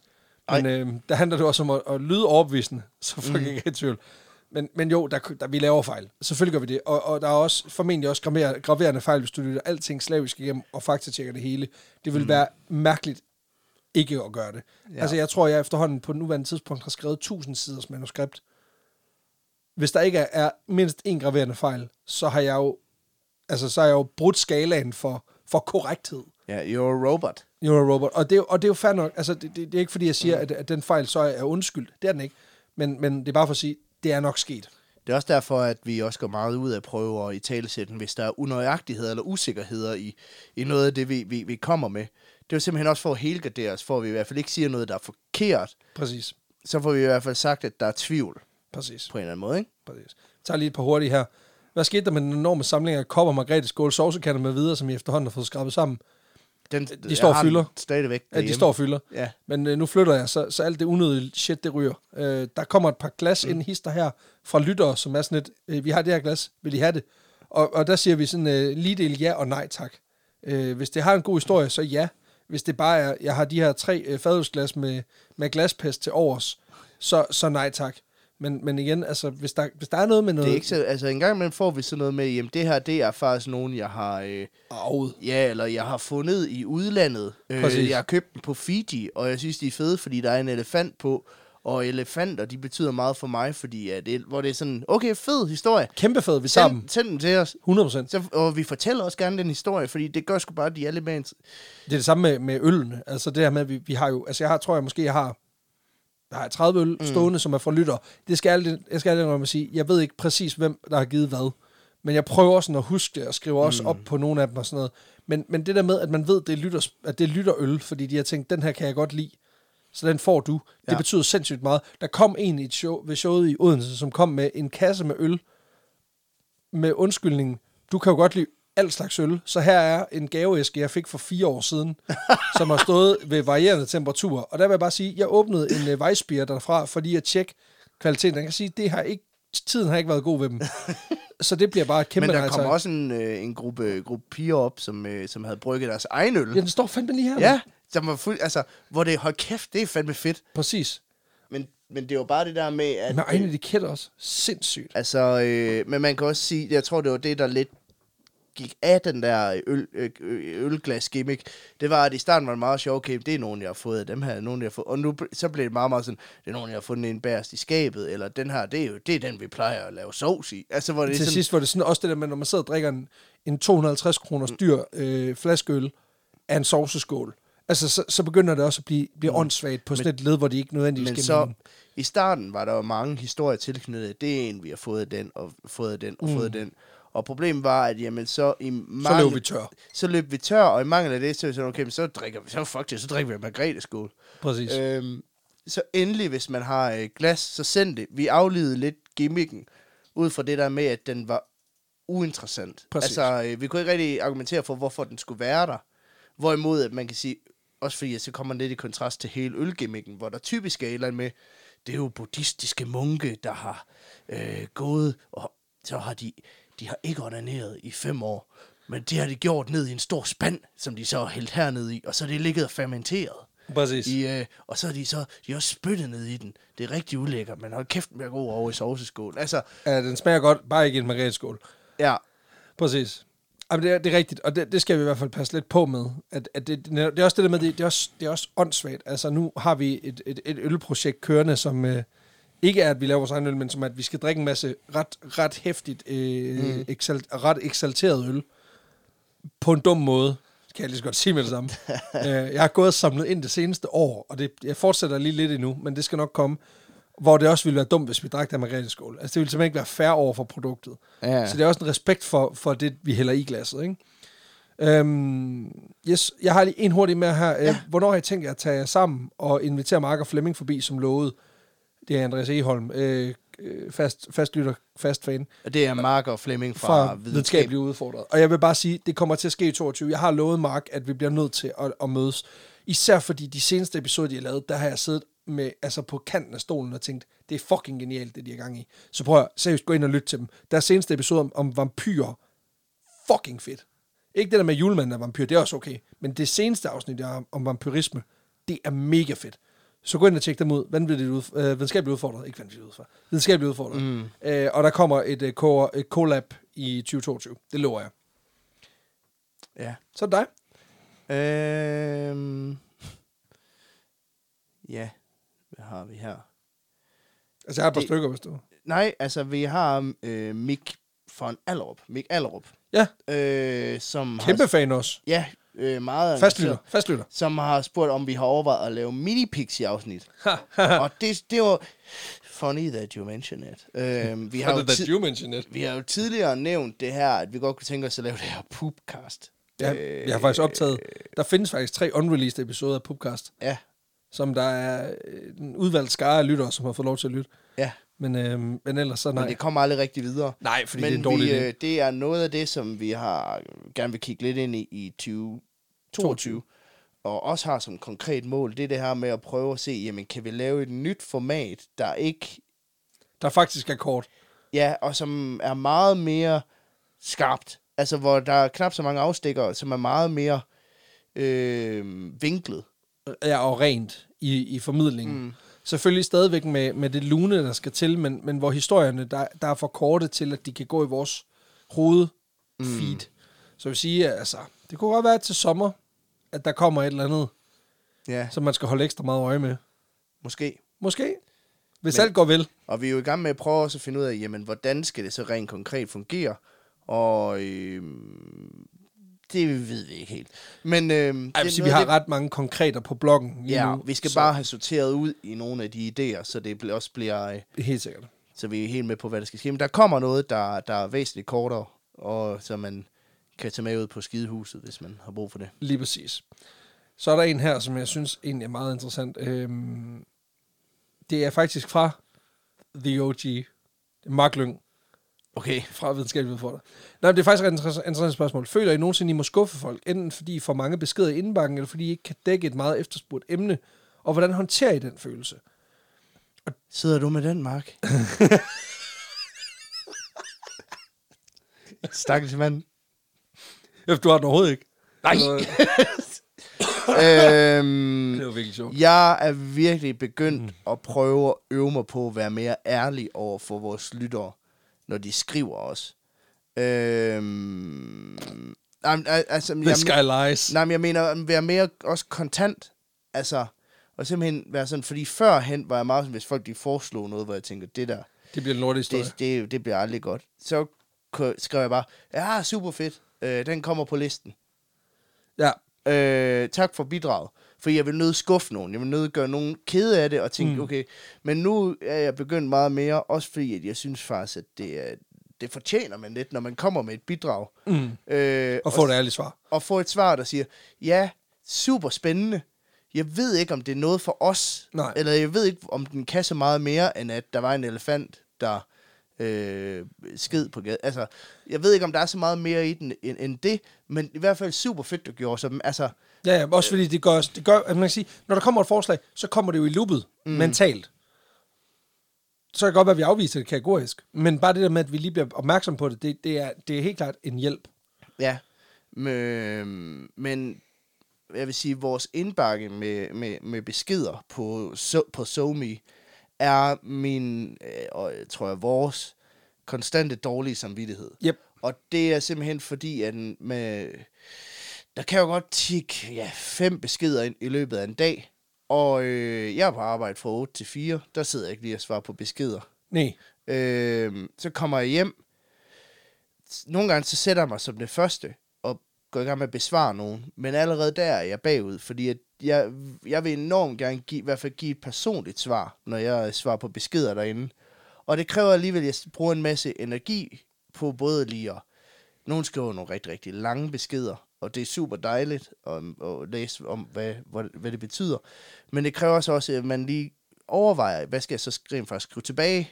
Præcis. Og dermed så lige pludselig det at svare på fem beskeder kan faktisk blive til en enorm opgave, fordi man gerne vil gøre det så personligt som muligt. Præcis. Og så bliver det lidt udskudt, og bliver det lidt udskudt, og så vokser, hvad kan man sige, øh, øh, Listen af, af, af nye... ja, Ja, også, også fordi når man gerne vil, altså når man, ligesom når folk kommer med et konkret forslag til en historie, som ikke er god, hvor man, vi tænker, den kan vi ikke få noget ud af, mm, så vil man gerne argumentere ordentligt for, hvorfor det er, at den ikke er god. Altså, mm. så bruger man længere tid, end hvis man bare har skrevet, fedt, den ryger på listen. Eller, altså, hvis du har lavet en hvid løgn, så kunne du hurtigt få det affaret. mm, Men det gør vi ikke rigtigt, fordi vi vil gerne have, at, at folk de forstår, hvorfor det er, vi ikke gør det. mm, Altså noget af det værste, det, det er det der med, når, man så, når der er en, der har skrevet, øh, hvorfor laver jeg den her?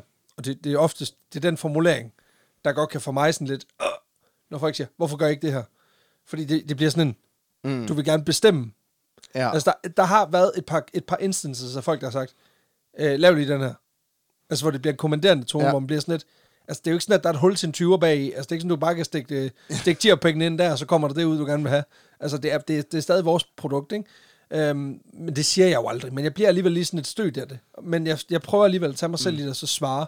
Jeg har haft et enkelt instance for, det er længe siden, men hvor der var en, der skrev, øh, kan I ikke, øh, lav den her ja, hvor jeg så skriver, øh, øh, øh, tak for ind- indsparket, og så skriver en lang forklaring om, hvorfor jeg ikke synes, det er et godt argument, altså hvorfor, det, hvorfor jeg ikke synes, det er en god historie. mm, Og det er der jo, altså, der, der var bare ikke så meget i det, og den var, det var sådan meget, jeg tror også, det var sådan noget morhistorie, og sådan noget, det passer mig ikke så godt.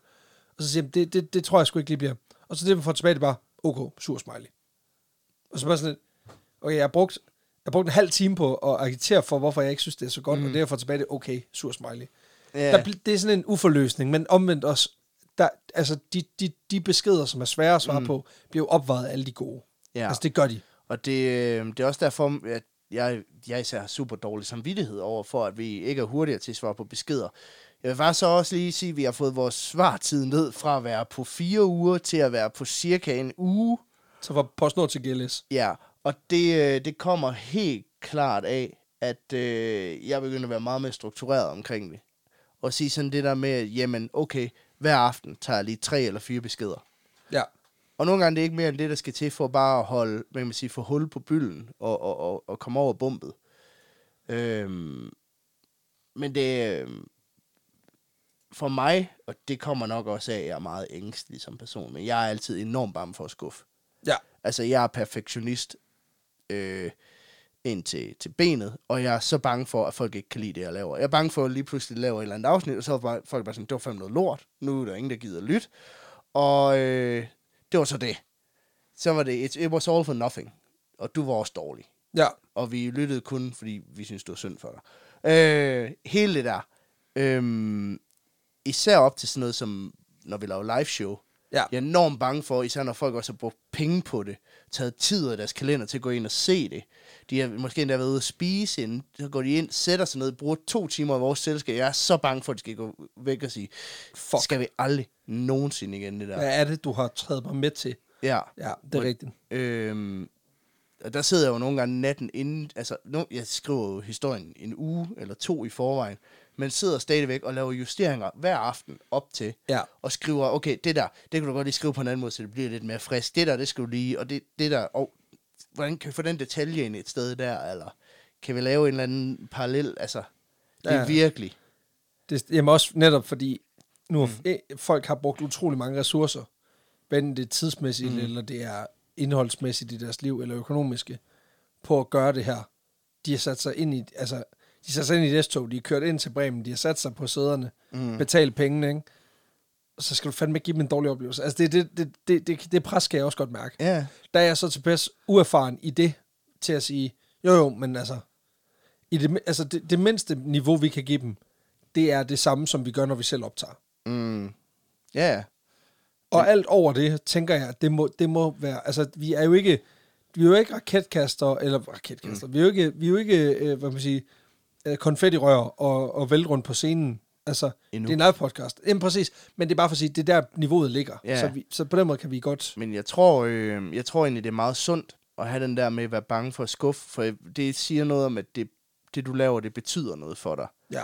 Øh, det vil være væsentligt værre, nu bliver det også meget sådan feminas brevkasse, Jo, jo. men altså, jeg tror, et, for mig i hvert fald, ville det være meget værre, hvis jeg var pisse ligeglad. Ja, ja, for helvede. Hvis jeg, hvis jeg var pisse, så, så, alt, så betyder det ikke noget, og prøv at høre, hvis folk de går skuffet derfra, så fuck dem. Og så, altså, Ja, det er hellere have det der please again, i hvert fald for mig selv, og have den der med, at jeg, man vil gerne have, at alle går derfra med en god oplevelse. Ja, 100. Så er 100. det fordi, at det rent, at, og folk, der sidder derude, rent faktisk betyder noget. Det kan folk jo også mærke. Ja, Altså, frem for at man bare er, nå ja, okay. iskold, ikke? Vi tager lige to hurtige her. Optræde til bryllupper, optræde til runde fødselsdage. Nej, Nej. nej, nej. Og det er ikke fordi, at vi ikke synes, det er hyggeligt, men det er bare... Jeg synes... Nu tager jeg en executive beslutning på podcastens vegne og siger, bare fordi du, Rikke, synes, det er fedt, så betyder det ikke, at dine 55 bryllupsgæster synes, det er fedt. Man Og vi vil, simpelthen- gerne, vi vil sygt gerne, hvis der er nogen, der skriver, øh, øh, brudparet er super meget fans, vi laver gerne en video. Altså, det gør vi gerne. Det er Ja, ikke ja. det. Men, men det der med at tage ud og optræde, altså, vi skal, så skal vi vinde utrolig meget. Så man mindre det er et eller andet bryllup, hvor alle ved, hvem vi er. Så nej, ikke for, mest for jeres egen skyld. Man kan også sige, i, i modsætning til, øh, til stand-up, for eksempel, hvor alle ligesom er med på, hvad er Nu siger man noget sjovt. nu kommer der noget stand-up, så er alle lidt med på, hvad det er, eller nu kommer der en tryllekunstner, okay, så ved jeg, han kommer med en høj hat. Og en kanin, der bliver Hvor væk. det er sådan, jamen, hvis, nu kommer der den her podcast. Vi, øh, normalt er vi ude og lave jobs for nogen, hvor vi er blevet hyret ind. Bruger vi enormt meget tid på at forklare, hvad det rent faktisk er, vi laver, Ja. inden vi overhovedet går i gang. Og, Ja. og det er simpelthen for at sikre, at der ikke er nogen, der sidder 10 minutter inde og sådan, altså, hvad fanden er det for noget med silke og pisse? Altså, Ja, ja, øhm, at folk de, de er med på, jamen det er det her, vi er. Øhm, men jeg vil sige, til rundfødselsdage og bryllupper, der kan man, vi laver jo ikke noget, der er under en halv time. Nej. Øhm, det er simpelthen vores format. Præcis. Og der kan man jo sammenligne det lidt med, at alle har nok siddet til den der familiefødselsdag og hørt på onkel Jørgen, der holder en alt for lang tale, og du skal også tisse, og det er også lidt kedeligt. Og for helvede fortæller han nu den dårlige joke igen. Og det, jeg tror, det bliver den følelse, rigtig mange kommer til at sidde med. Præcis. At, okay, det var egentlig meget skægt de første fem minutter. Nu må det også godt stoppe. Og vi kan bare ikke lave det på meget kortere tid end det. Nej. Så, så derfor, nej. Ja, og det er ikke fordi, vi ikke vil, fordi hvis vi havde noget at byde ind, eller følte, vi havde noget at byde ind med, så ville, var vi nok ikke afvisende over for det. Nej, nej. Har du noget, eller skal vi... Øh, jeg synes lige, vi tager to for... Skal vi ikke sige, vi tager to for dig, og så to mere for mig, og så. Ja. så lukker vi den der, fordi ellers så bliver det meget lang. Ja, lad os gøre det. Øhm, bum, bum, bum. Jamen, skal vi tage en fra... Øh, Monisha Briggs. Ja, Ja. og Monisha, hun er fed. Ja. Øh, hvis I kunne leve i en anden historisk periode, hvilken skulle det så være? Åh, det er svært. Øhm, jamen også fordi, altså, jeg tror, jeg tror, Kridtiden.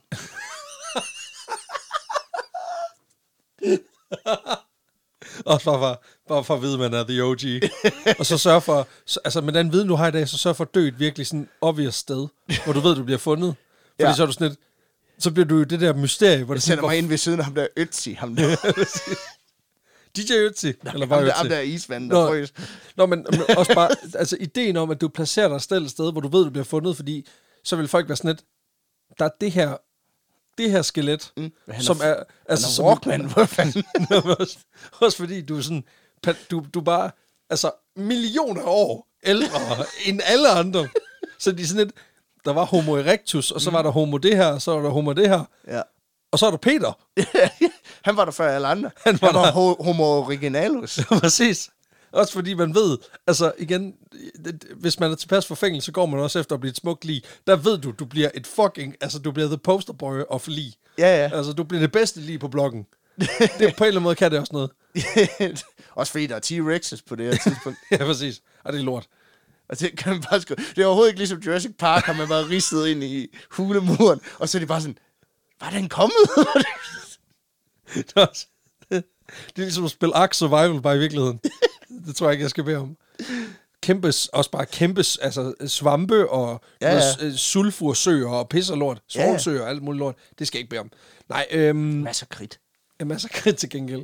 Jeg tror måske, jeg synes, det er svært at svare på. Øh, det bedste, det er fordi, der er en masse forbehold, man er nødt til at tage. Også for eksempel sådan noget som sygdom. Altså, jeg er pisse bange Mm. for at blive syg. Plus, at jeg er super lemfældig med, hvordan jeg betager mig ud i offentligheden. altså, den forstand, at altså, jeg har, jeg har øh, altså, sorg over det hele, Mm. og skærmer på ting, når jeg er i haven og sådan noget. Og det er bare, jeg tror ikke, jeg, jeg er i stand til at ikke skære mig på øh, haveredskaber. Og det er bare noget pis i 1800-tallet, fordi hvis du bliver syg, så bliver du virkelig syg. Ja. Øhm, og du kan ikke bare sige, kan jeg få noget penicillin? Det ved vi ikke, hvad er. Altså, med min nuværende viden, så tror jeg faktisk bare, at jeg gerne vil være en time travel tilbage i sådan 60'erne. Bare fordi, en ting er, at jeg kunne lægge et solidt fundament for alle i min kommende familie. Ja. Altså, du Jeg vidder det bare i en lille virksomhed, der hedder... Microsoft. Ja. Det er måske lige, altså, så skal vi lige nogle årtier frem, ikke? Men altså, Ja, ja Apple, eller... ja, ja, præcis. Altså, du, du har super meget mulighed for at påvirke øh, øh, historiens gang. Gå ind i Atari og så sige, lad lige være med at lave det Det der IT-spil. ja, præcis. uh, nej, fordi så, så vi vi vil jo miste en historie, vi kunne lave i dag. Um, Den skal også nok komme. det skal nok komme. Fuck, det er en sindssyg historie. Um, for helvede, Peter. Nej, men, men jeg, jeg ved det sgu. Altså, jeg tror da, jeg tror da, altså, antikken kunne være ret fed. Mm. Det er også fordi, jeg lige har siddet og gravet mig ned Jeg i, har i det fester sådan, i antikken. The Roaring Twenties. Ja, ja. Også fordi jeg tror, jeg tror, vil være god i The Roaring Twenties. Mm. Altså, Jeg tror også, jeg vil sige spidse ud i den der hat. ja, for helvede. Og a little party never killed nobody. Og så Ja. bare, bare gå amok. Ja, og så Og så var sådan, hvad så George Remus, mand? Ja, ja. Prøv at. Jeg ved, hvad du skal. Fuck det der med at forsvare mordere, mand. Ja. Så kun sprit. Lige præcis. Ja, ja, præcis. Og det kunne noget. Enten det eller kridttiden. så 20'erne eller, kridttiden, som man siger. Og det er jo også bare fordi, vi lever i en fed tid. Altså, Ja. du ved, vi har VR headsets og sådan noget. Vi kunne bare gå tilbage i tiden, hvis vi- hvis vi ville. Ja, ja. Ja, så, så den, øhm, den er interessant. Jeg har et, et spørgsmål, som er lidt i tråd med, men ja. Alligevel anderledes. Det er Jakkemand, der spørger, hvad er jeres historiske periode, eller skråstrej emne? Og det er jo lidt det samme, men alligevel overhovedet ikke. Jeg er en fuck. Kridtid. Ej.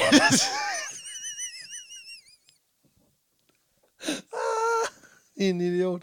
Øhm, Åh, det er svært. Jeg tror for mig, jeg er meget fascineret af Østen. Altså, jeg er meget fascineret af, af Asien generelt. Og Asia, også fordi, at det er et område, hvor jeg hele tiden føler, det er ikke noget, jeg har lært særlig meget om, men for, jo mere og mere jeg læser, jo mere og mere fascineret bliver jeg også af det. Ja. Øh, både deres religion, deres filosofi, deres krigermentalitet, øh, deres æreskodex, alt det her. Øh, det er jo som anime i en real life på en eller anden måde. Og det synes jeg er super fedt. Ja. Jeg tror måske... Altså, jeg har sådan... Det, det, det, det nemme svar er jo 2. verdenskrig. I den forstand, at der er bare noget, der er bare noget, altså, det, øh, det er bare sådan et historisk emne, jeg synes er vildt interessant, fordi ja. Det er samfundsomvæltende på så mange plan, man slet ikke fatter det. Ja, men der var bare der lånte også altid bøger om 2. verdenskrig. Præcis. Så der er jo et eller andet der. Men jeg tror måske sådan noget... Det, der fascinerer mig dybest, det er sådan industrialiseringen. Og mm. 1800-tallet. Øhm, men, også, men mest fordi det er sådan... Den der sådan helt grundlæggende menneskelige udvikling, og så også bare, det er som om, at 1800-tallet, der går man vidderligt fra sådan, altså, vi kan ikke noget, Ja, går fra til vi kan fucking det hele. Til Morten Kork, til, øh, til, til steampunk. Ja, ja, præcis. Hvor det bare sådan, det udvikler sig i et fuldstændig sindssygt tempo. Ja. På meget kort ja. tid. Altså, den sene, altså den, den, de sidste 25 år af 1800-tallet, der går det bare alt for stærkt.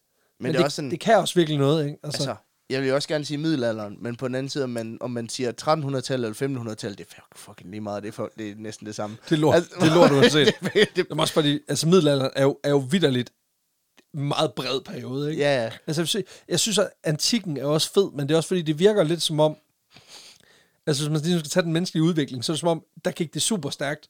Ja. Og så efter det, Så op, man opfandt øh, altså, lokummer, der kunne skylle ud, og, og alt muligt. Og, Akvædukter og pisselort, akvædukter alt muligt. Og homoseksuelle, det var bare a-okay. Præcis, Og, sådan noget. og, så, og så stak det bare fucking af. og så opfandt vi noget, der hed kristendommen. Ja, og så er det som om, at der var lige 500 år, hvor det bare, hvor det bare, vi bare gik i rekreation. Ja, prøv at høre, homoseksualitet, det er forkert, og pøllerne, dem skal du putte ned i et hul. Det er præcis. Meget, meget dybt hul. Ja. Præcis. Gerne under kirken. Ja. Og så hvis du bygger kirken af nogle lortepinde, så er det bare pisfedt. Men det kommer vi til. Um, og det kan noget. Uh, to hurtige spørgsmål. Hvornår kommer afsnittet fra Augsburg? Uh, ideelt set, når der er nogen, der vil sponsorere, at vi kan komme til Augsburg. Fordi der er ikke skide meget andet at komme efter, end at fortælle en god historie. Og så er det andet spørgsmål, det er, kan, det er fra Frederik Englund. Kan I ikke begynde at lave rejseoptagelser? Og ved du hvad, kære Frederik, ved du hvad? Det ville folk gerne. Vi vil sygt gerne. Men det er meget omstændigt og meget dyrt. Ja. Og det er meget sådan, øh, det der med, når man har to små børn og lige købt et hus, så skal der ligesom også være en eller anden, øh, øh, noget du kan gå ind og sige, Ja. i det mindste får jeg det her for det, i stedet for, jeg, Jeg jeg bruger har det 40.000 også- af vores egne penge på at Jeg tage. har det også sådan lidt at rejse og, og sige sådan, okay, nu laver vi et afsnit om Rusland. Så vi Så tager til rejser vi Moskva. til Rusland for at optage halvanden times podcast. det, er måske, det er måske lidt overkill. Jo, jo, men Øhm, altså, vi har jo snakket om ideen om at tage sådan en Europaturné. Altså enten noget interrail, eller et- altså et eller andet, hvor man rejser rundt, mm. og så ser man nogle sites og optager noget rejsedagbog og nogle afsnit på location. Ja, kombineret med noget video, kombineret med noget... øh, Præcis. pisselo- Altså, Men så skal der også være en sponsor på, for, som ligesom i det mindste kan dække udgifterne. ja. Fordi, det, det, det, altså, der, er- der er jeg sgu ked at sige, der er jeg blevet for gammel og etableret til, at jeg bare lige kan sige, skat, jeg tager tre uger ud af kalenderen, øh, der er ikke noget løn. Jeg kommer til at bruge penge. altså, det, det, det går sgu ikke. Øh, så, så der skal ligesom være et system rundt om. Men, men altså, Men sindssygt god idé. det er Vi vil klart sygt det er et format, der er potentiale i. Også fordi, at det er mega nemt at kombinere med det, vi laver i forvejen. Ja, vi skal bare passe på, at vi ikke bliver pølsemandens udgave af, hvad hedder det, 0 stjerner. Altså, Ja, ja, ja. ja. også bare fordi du ved godt, altså, Jan, altså jeg ved godt, jeg har store fødder. Jan Elhøj sko kan jeg ikke fylde ud. Sådan er det bare. Altså, han, er- han vil altid stå for mig som the goat. Og sådan er det. Øhm... Skal vi tage sådan en, som er lidt mere sådan whack? To Ja, mere ligesom- for ja. dig, og to mere for mig. Ja, Det bliver vi ved med at sige. og så tager vi sådan lidt... Øhm... Daniel Tiersgaard har spurgt, hvad vores top 3 yndlingsfilm er. Fuck, det er svært. Fuck, det er svært. Øhm, jeg, kan ikke sætte, jeg kan ikke prioritere dem. Øhm, jeg kan ikke sådan sige, det her, den, den, at etteren er bedre end toeren, fordi at det er meget sådan en masse, som flyder ja. Sammen for mig.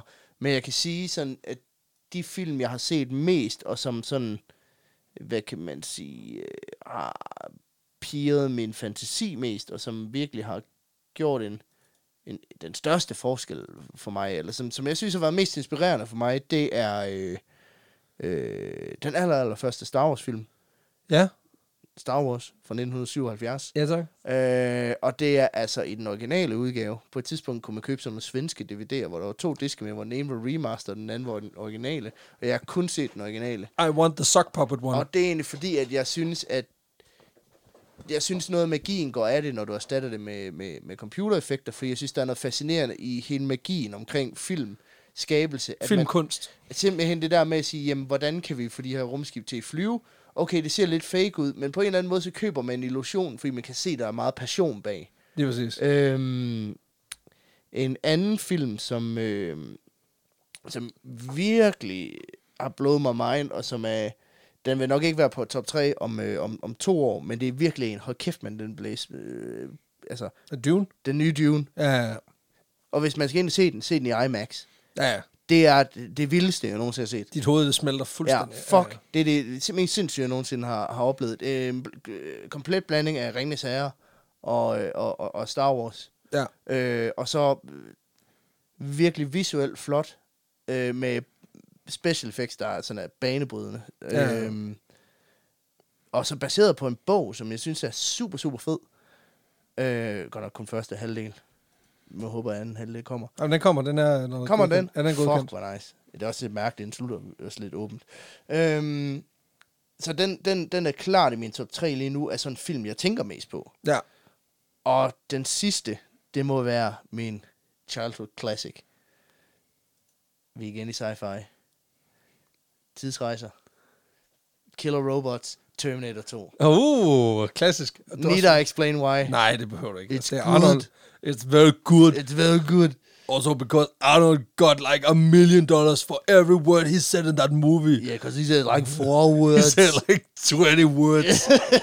ja, det er rigtigt. very expensive words. Men det er body, det er body acting. Altså, det er det.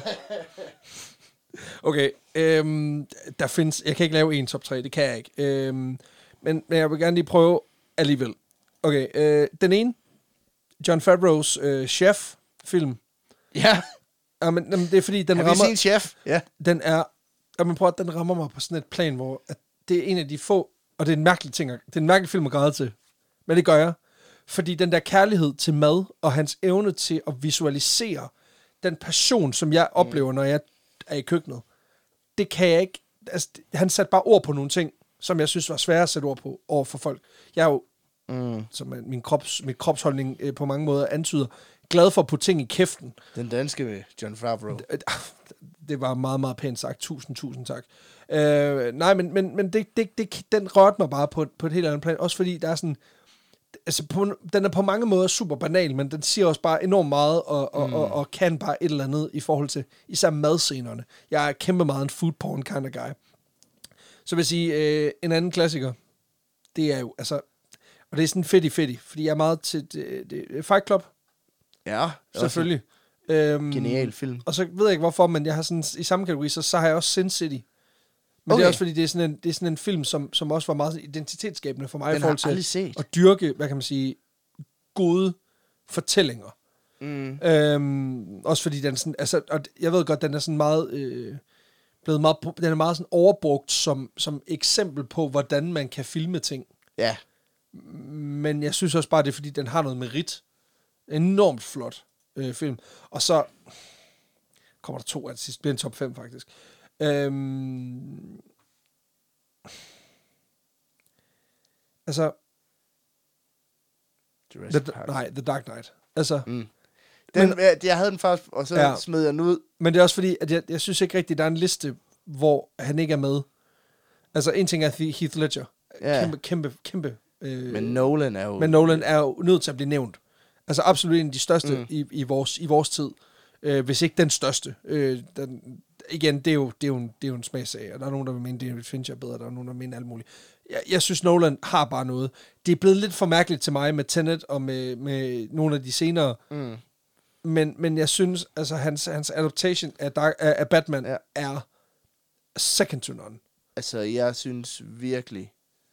Jeg så Dunkirk, Uh, og jeg synes, det klædte ham enormt meget, at han øh, lavede en film, der ikke var tre timer lang. Fordi jeg synes faktisk... Nogle gange så synes jeg, at hans film, de har... Så har der også lidt med Dark Knight, men den er bare så fed på andre punkter. ja, ja. Men de bliver så lange og så kompliceret og snørklet, ja. at nogle gange så modarbejder det lidt, så bliver det lidt for svært. Altså, du skal tænke for meget til at følge med i det. Jo, men, Altså, Hvor jeg synes, det klædte Dunkirk, at den bare var straightforward og sådan en halvanden Men sådan havde jeg det også med Interstellar. Der havde jeg også, da jeg havde set den, der vidste jeg ikke, hvordan jeg havde det. I meget lang tid. Ja. efter.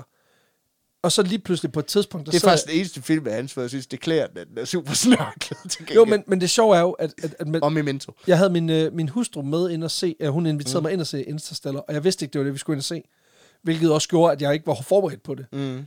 Men jeg tror, det tog mig en dag eller to, og lige pludselig så brød jeg ud i tårer Ja. post-film. Mm. 48 timer efter. Fordi der dæmrede det. Ja. Så, så han kan jo et eller andet. Jeg Og, synes, og så vil jeg sige, øh, en lige sidste hurtig anbefaling. Boondock Saints, den Ja. originale film. What the fuck? Det er også fordi, perfekt kombination af action, hjernedød action og bare humor. Altså, det kunne bare noget for mig. Men jeg tror faktisk måske, at jeg... øh, jeg og det ved jeg godt, det er måske upopulært. Jeg, jeg, jeg kan måske faktisk bedre lide Interstellar, jeg kan lide Dark Knight. Nå, men det jo... Og jeg tror det er, fordi den er også virkelig sådan en, der er grown on me.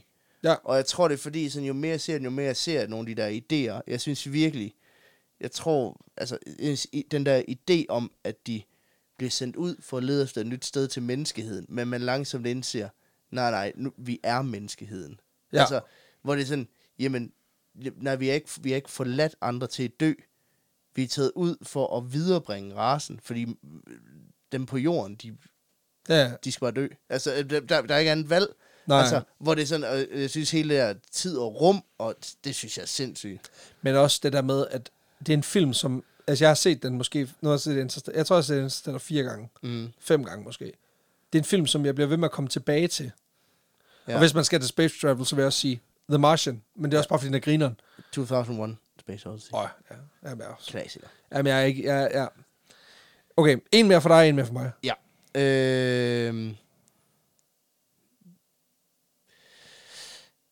Okay, det her er også lidt personligt, men jeg tror faktisk måske, der kan være noget meget fedt i det. Det er en, der hedder Felberg, der spørger, hvad er det bedste og det værste, der er sket i vores liv? Ah, Jeg er også bare... Der er jo en sokker for alt. Det, det er naturligt. Ikke? Altså... Og det er fandme svært. Det er fandme svært. Altså... Øhm, ja. Der sker jo ikke så meget i mit liv, jo. Nej, du, jamen, du lever jo heldigvis i en, i en, øh, på mange måder en, konst, en mere konstant, ikke? Øhm, det værste, der skete i mit liv, det er, at øh, det var, at min mors, øh, min mors kræftsygdom tog så fucking lang tid. mm. Øhm, simpelthen fordi, en ting er at få kræft. Det er noget fucking lort. Sådan er det. Det, det sker for rigtig mange mennesker. Alt for mm. mange mennesker. At det skulle tage fem år og tre forskellige separate sygdomsforløb, det er der ingen, der fortjener. Nej. Øh, det gjorde det noget nemmere at komme sig over det. Jeg er jo sådan en, jeg har jo, vi har jo ikke gået, hverken mig, min bror eller min, øh, min stedfar, har været til psykolog Mm. efterfølgende. Hvilket er jo sygt mærkeligt, Men når det man har haft fordi, et menneske. det er fordi, I kom to terms med det løbende, det, er jo eller for, hvad? det er jo fordi, at, at, at hun har haft den samme, hun har haft leukemi af to gange. Altså på den måde, hun havde Mm. en leukemi, blev kureret, så gik det i regression, Ja. så fik hun en knoglemarvstransplantation, og så blev hun syg igen. Vist nok både af leukemi, men så også af en masse andet. Mm. Så der, der var altså skruet max op, ikke? øh, jamen, den, den ville virkelig... Der, nu, nu var det sådan lidt... Ej, nu, nu har det også været her nok, øh, åbenbart. Men fordi det tog så lang tid, så nåede jeg jo tre gange Mm. at tænke, nu dør hun. Ja. Og de to gange, der gjorde hun det ikke. Ja. Hvilket gør, at man emotionelt forbereder sig på en ting, og så sker der noget, som man jo bliver glad for, men alligevel er helt ængstelig over. Mm. Men var det så det? Og især, jeg kan huske det værste, det var tredje gang. Altså, fordi nu havde jeg ligesom oplevet at skulle slå mig til, altså, og, og, og ligesom leve med, at den her helt vildt eks, vilde ting, der, mm. var, der var gået væk, den var tilbage. Og det her var ligesom, nu kan vi ikke gøre mere. Nej. Det her, det er, den, det, er den, det er den bedste måde at løse det på. Plus at hun blev også ramt af, altså hun fik e- epileptiske anfald, og mm. blev ramt af alle mulige sindssyge øh, bilidelser. Hvor man bare var sådan, det er jo ikke fair, det her. Nej. Og vi havde også en, hun var indlagt på en intensiv afdeling på et tidspunkt, hvor hun bare sagde, jeg vil ikke mere. Hvor, var sådan, hvor man taler hende tilbage i mm. livet, men jo godt ved, jamen det er jo ikke fair det her, fordi du, gør, du holder dig kun liv for vores skyld. Ja. Hun kunne have sluppet, men hun beholdt grebet, fordi at så var der lige en aften, hvor hele familien kunne samles på, en eller anden, på, på et øh, onkologisk afsnit nede i Aarhus, og vi fik leveret mad ned fra teaterbodegaen, som, Ja. som ikke laver takeaway. Det var Nej. før corona der. De, de, de, de laver ikke mad ud af huset. Men da vi ligesom sagde, prøv at høre her, hun vil have mad herfra, Mm. hun dør formentlig inden for en uge. Så lavede de fucking takeaway. Og så sad vi 15 mennesker og spiste på en stue på 10 kvadratmeter, eller sådan et, 15 ja. kvadratmeter, eller andet latterligt, ikke? Og vi sad og spiste små plastikbakker, og det hele gik bare rundt på omgang og sådan noget. Og der var bare sådan en ro, fordi hun kunne mærke, nu er vi samlet. Og så gik der to dage, så hun væk. Altså, fordi...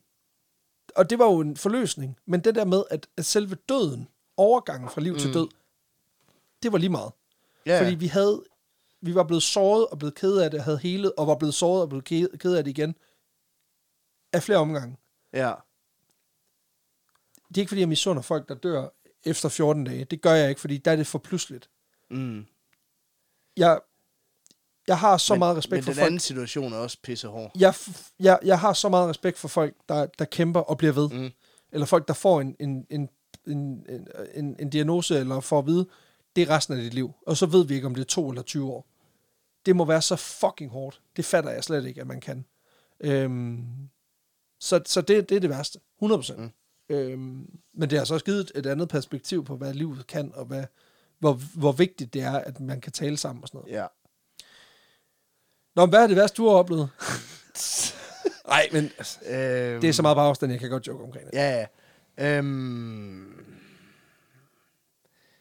jeg tror... Øhm, Du skal toppe den. Sorry. Min mor var syg i seks år. Ej. øhm, Indgroet tårnegl, ikke? ja, lige præcis. Klassisk. Hun døjer staden med Ja, præcis, den gør en alder. Nå, hun brokker sig. Øhm, jeg tror sådan for mig, det er der, hvor jeg har haft det sværest. Det har været, øh, det er ikke noget, jeg sådan har talt så meget om i podcasten, men jeg har jo, jeg, øh, jeg har angst. Øhm, og fik det diagnostiseret for fire år siden, tror jeg. Øh, ovenpå, at øh, hele, hele mit liv var lige var kollaps. Jeg var lige blevet færdig på journalisthøjskolen. What? Øh, nej, det var faktisk inden jeg blev færdig på journalisthøjskolen, men jeg tror tanken om at være færdig og gå ud i den der... Øh, Afgrunds. den der med sådan, okay, nu, så, så er jeg bare arbejdsløs. Ja. Øhm, og hele den der med, øhm, jeg havde lige slået op med min kæreste, eller min kæreste Nå, ja. lige slået op med mig Nå ja. på det tidspunkt. Og øhm, det hele var bare lort. Så lige oven i hatten, så blev jeg lige røvet med kniv. Det kan jeg godt huske. det der. Øh, så der var bare enormt mange ting, der faldt sammen på samme tidspunkt. Øhm, så jeg fik angst, og fik sindssygt mange angstanfald over længere tid. Altså, det var sådan et halvt år, drak jeg ikke alkohol, fordi når jeg blev fuld, så fik jeg angst. Ja. Øhm, og det var enormt hårdt. Øh, fik jeg lige en depression oveni også. Øhm, fordi de to ting, de føles tit ad, Ja, ja. som Og det, og det, det, er de, sokker, i, sokker og sutsko på en og, eller det, er, og det er de bedste kammerater. Ja, Ja, bare ikke for den, der ja. får dem. Ej, men de er fandme gode til at holde i hånd. Ja, de svin. præcis. Øh. Lorte røvhuller, mand. Øhm, altså, jeg gik meget til psykolog for det, og har det heldigvis bedre. Det kommer stadigvæk en gang imellem krybende. Jeg tror også, det er noget af det, der ligger i det her med ikke at skuffe, faktisk. Det er sådan der, jeg godt kan blive sådan lidt, Ja, ja, ja. øhm, at, åh, oh, her kan de nu lide mig. Øhm, men slet ikke i samme omfang. Jeg har virkelig lært at se de der... Jeg lært enormt meget om mig selv. ja, Ja. Altså om min egen styrke og mine egne svagheder. Hvor jeg er god, hvor er jeg god nok, Ja. og hvor er jeg, øh, hvor er jeg dårlig. Og hvor kan jeg blive bedre. Og hvad, øh, så er det bare, betyder bare nogle gange, så er det bare nogle situationer, jeg ikke skal sætte mig i. Ja, ja, ja. det ved jeg, når det dur du ikke til. Det er du fandme ringe til. Så Det er meget indsigtsfuldt. ja. Altså, det er det. Ja, men jeg, altså, jeg gik til psykolog læ- øh, længe. Altså, øh, halvanden år, tror jeg, jeg gik til det. Ja. Øh, og det hjalp mig også. Jeg tror måske, jeg skulle have gået til det noget før. For alt Ja, for muligt, der var ligesom- alt muligt andet. Øh, og jeg tror generelt, det kan være sundt at gøre. Øh, bare for os for unloadet, for bearbejde nogle ting. Det er ikke man behøver ikke engang rigtig have det skidt. Det er en kæmpe, kæmpe glæde at vide, at man betaler et menneske for at rent faktisk at tage imod Ja. det lort, man har. Mm, også fordi nogle gange, så er de ting, man ikke kan sige til sin kæreste. Eller Det til, kan du øh, ikke, og du kan ikke forvente, at de... At, altså, det, det er svært at forvente, Mm. at du kan, at du kan sige de her det. ting. Ja. Så øh, det er også derfor, hver gang der er nogen, der skriver, at øh, de har et eller andet psykisk, de døjer med. I relate. Altså, I get it. Ja. Øh, og dem gør også meget ud af at svare tilbage. Det er også de eneste lytter, jeg har informeret om, det er at sige, ved du hvad, jeg ved godt med den der, fordi jeg selv har været der. ja. Men prøv at se i dag. Men det, altså, jeg kan godt huske, at det der, jeg kan huske, mm. vi snakkede faktisk rigtig meget sammen omkring det der, altså efter det der knivoverfald. Hvor jeg bare, altså, og det er jo igen det der med, det er jo, du er jo bare vestjysk. Mm. Så derfor er det jo ikke sådan, at, at, at man får jo ikke det hele med. Nej. men man kunne godt mærke, at der var noget, der var forandret. Altså, fordi Ja. ja. fuck...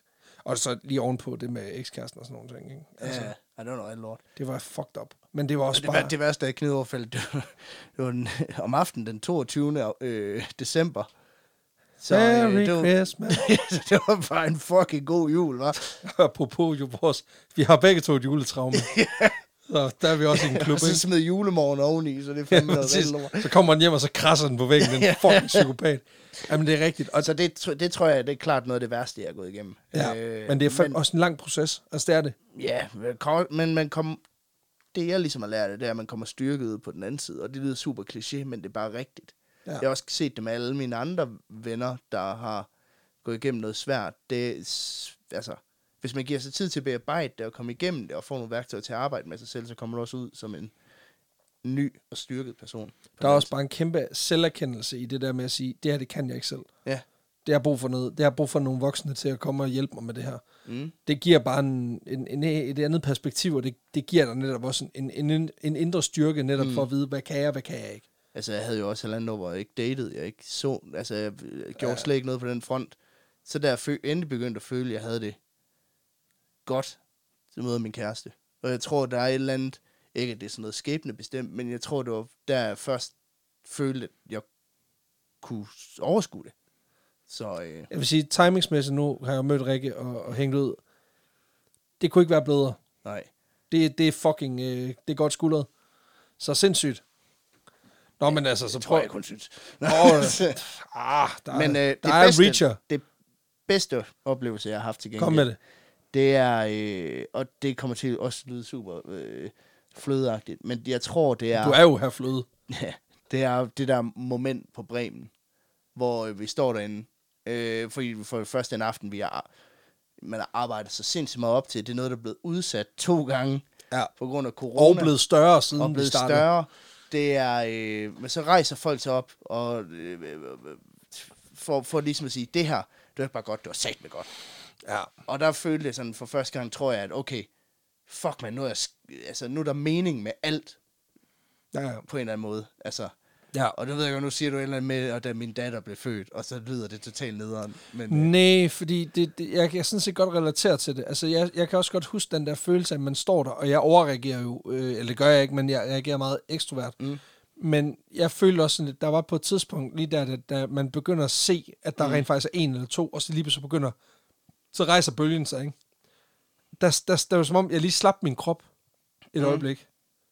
Altså den der sådan følelse af, det her, det, det er uvirkeligt fedt. mm, Og det, det, det er ellers noget, jeg kun har. Øh, jo, jeg har det sammen med mine børn, øh, selvfølgelig, men det er ikke selvfølgelig, men, men jeg har det sammen med mine børn, og ellers så har jeg det faktisk sådan mest sådan, når jeg kigger på min hustru. Mm. Og det apropos kliché. Jeg kan nogle gange få sådan en øh, ting, hvor at jeg sidder, det er som om jeg sidder udefra og beskuer mig selv, mm, og så kan jeg mærke, at jeg sådan er fremmed over for alt, der er i rummet. Altså sådan lidt, det er jo ikke mine ting. Altså det der med, du ved, når du går ind i mm. hjem, når du kommer hjem, kommer hjem herfra, så er det ligesom, jamen det er mit rum. Altså det her, det er mit køkken, det er mit, altså alle de der ting, der er implicite. Det er som om nogle gange, så får jeg sådan en fornemmelse af, der er ikke noget, der er implicit. Det her rum er at første gang, jeg er i det. ja. Og så kigger jeg over på min hustru. Det kan være, hun bare sidder og tegner med, min- med min datter eller sådan noget. Og så er det som om, jeg får sådan en, den samme følelse, som da jeg blev forelsket i hende første gang Mm, hvor jeg sådan ligesom genoplever den der helt dybe, fuck, det er dig og mig. mm, Og den, den, den får jeg sådan en gang hver andet år eller sådan noget, med hende heldigvis. Mm. Og det, det, det, er sådan en, det, det tror jeg er det tætteste, jeg kommer på sådan en sand lykkefølelse. Det Jeg- kan, Jeg Ja. får det faktisk lidt også sådan, og det kommer også lidt til, altså sådan nogle af de der perioder, hvor jeg godt kan være sådan lidt ængstelig. Det er Ja. ja. typisk, hvis jeg er stresset eller ikke har sovet så meget. Og der er, der er min kæreste enormt god til sådan at sige, nu går vi lige en, en tur, så går vi typisk ned i rig skov, står og kigger ud over vandet, og så får vi lige, bare lige snakke om, lø, om løst og fast. Og når vi sådan står der og kigger ud, så får jeg sådan den der følelse af, okay, er dig og mig mod verden. ja, præcis. Det er sådan, hvor det er sådan, fuck, hvis bare du står der, så fuck, hvad den kaster i hovedet, så Vi står jo her. Ja, vi er bare Fruit Ninja på alt det shit. Ja, det er rigtigt, og det er så sindssygt. Det, og det, det er rigtigt, det kan ikke... Øhm, altså, det, det kan ikke beskrives på anden måde, tror jeg. Altså, det er virkelig sådan... Det er svært at sætte ord på, fordi det er netop er sådan en følelse, som jeg... Jeg tror, alle ved, hvad er, men ikke alle kan Jeg kan heller ikke helt sætte ord på det, men Nej, det er bare præcis. den måde, jeg bedst... Kan jeg beskrive det? Ja. We fruit, we fruit ninja that shit. Perfekt. Okay, jeg har en sidste. Ja. Øhm, og det synes jeg er meget perfekt måde at slutte på. Det er Jonas Sean Guldstad, der skriver, har I nogensinde aktivt sammen besluttet, hvor meget I vil udlevere jeres privatliv? Øh, Nej. jeg føler jo, at jeg kender jer, efter vi har brugt mange timer sammen, men jeg er godt klar over, at I kun deler det, I er komfortable med at dele, og at der sikkert er klippet noget ud her og der.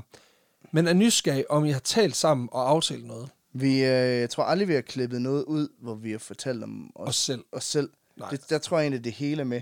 Ja. Det vi mest klippe ud, det er nogle øer og bøger, eller ting, hvor vi skal Hvor vi siger, et tidsspor, hvor det er sådan, okay, det bliver for langt ud, det bliver for langtrukken, det bliver for mærkeligt, og det bidrager ikke rigtigt med noget. Det ødelægger bare.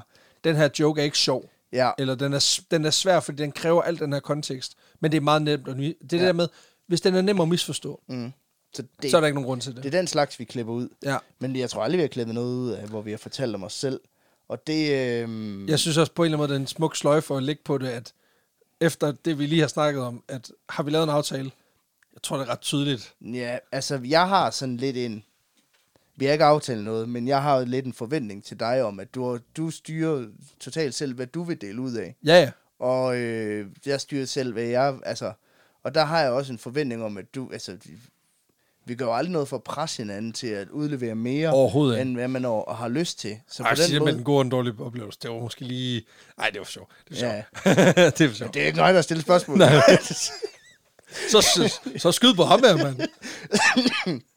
Men det... Øhm, men altså, jeg har det sådan det der med, der er der også, altså, øh, hvor jeg sådan, ja, altså, hvor man ikke lige altid bringer ting op, men så er det også det der med, så okay, men det skal måske ikke lige bringes op i den her kontekst, men det kan man godt i, Nu er vi her. i, i, det, i det her format. Det er skidesvært at snakke om det her, når vi lige så sidder og snakker om jeg har for eksempel tænkt meget over det der med, fordi vi får mange beskeder fra folk, der lider af angst eller depression og sådan Ja. noget, om jeg på et eller andet tidspunkt skulle fortælle, hvad jeg har oplevet. bakset med. Ja. Øh, fordi jeg tænkte, jamen det kunne, det kunne være, det kommer til at lyde meget helgende, men altså, at det, det, hvis- det kunne være, det kunne hjælpe nogen, og så vide det der med, at jamen okay, der er faktisk, Han er her. ja, der er faktisk nogen, der også sådan, at har formået at komme ud på, på den anden side, eller i hvert fald lært at arbejde med det. Præcis. Hvor at, øh, men jeg har også tænkt sådan det der med, men det er også lige sådan at, men jeg vil ikke bare lige smide det, nå, det var sgu historien om øh, John McAfee, nu skal I kraftedeme med høre her. Nu, nu lægger jeg lige lortet ned. Så, så på en eller anden måde, så øh, alting har sin tid og sit sted, men der er i princippet ikke noget, jeg ikke vil dele ud af, tror jeg. Nej, altså jeg tror måske... Udover mit sexliv, Ja, måske. præcis. Men det er jo også igen det der med, hvor, Men der er ikke relevant- meget at fortælle. Nej, præcis. Nej, altså igen, to børn, så ved du, hvordan det er. Ja. Øh, det er også en kliché. Det er overhovedet ikke altid sådan, det er. Men, men ikke desto mindre, det er nemt at holde fast i klichéerne, fordi der er ikke nogen grund til at dele yderligere. Øhm, nej, men, men jeg tror, vi, vi har ikke lavet en kontrakt. Vi har ikke lavet en aftale, der er mm. manifesteret i ord, men jeg tror, vi er ret enige om, at vi prøver ikke at presse hinanden. Mm. Øh, vi kan presse hinanden på nogle ting i forhold til, at nu er der en deadline med det her. Det Ja. skal vi lige nå. Men, men udover det, i forhold til, hvad vi deler om os selv, der er vi meget large. Mm. Og hvis du nogensinde kommer, det ved du jo også godt, hvis du nogensinde kommer til mig og sagde, det der, jeg vil gerne have klippet ud, så klipper jeg det ud. Ja. Altså, det er jo åndssvagt. Altså en gang imellem, så har det været sådan noget, så har du fortalt en eller anden anekdote.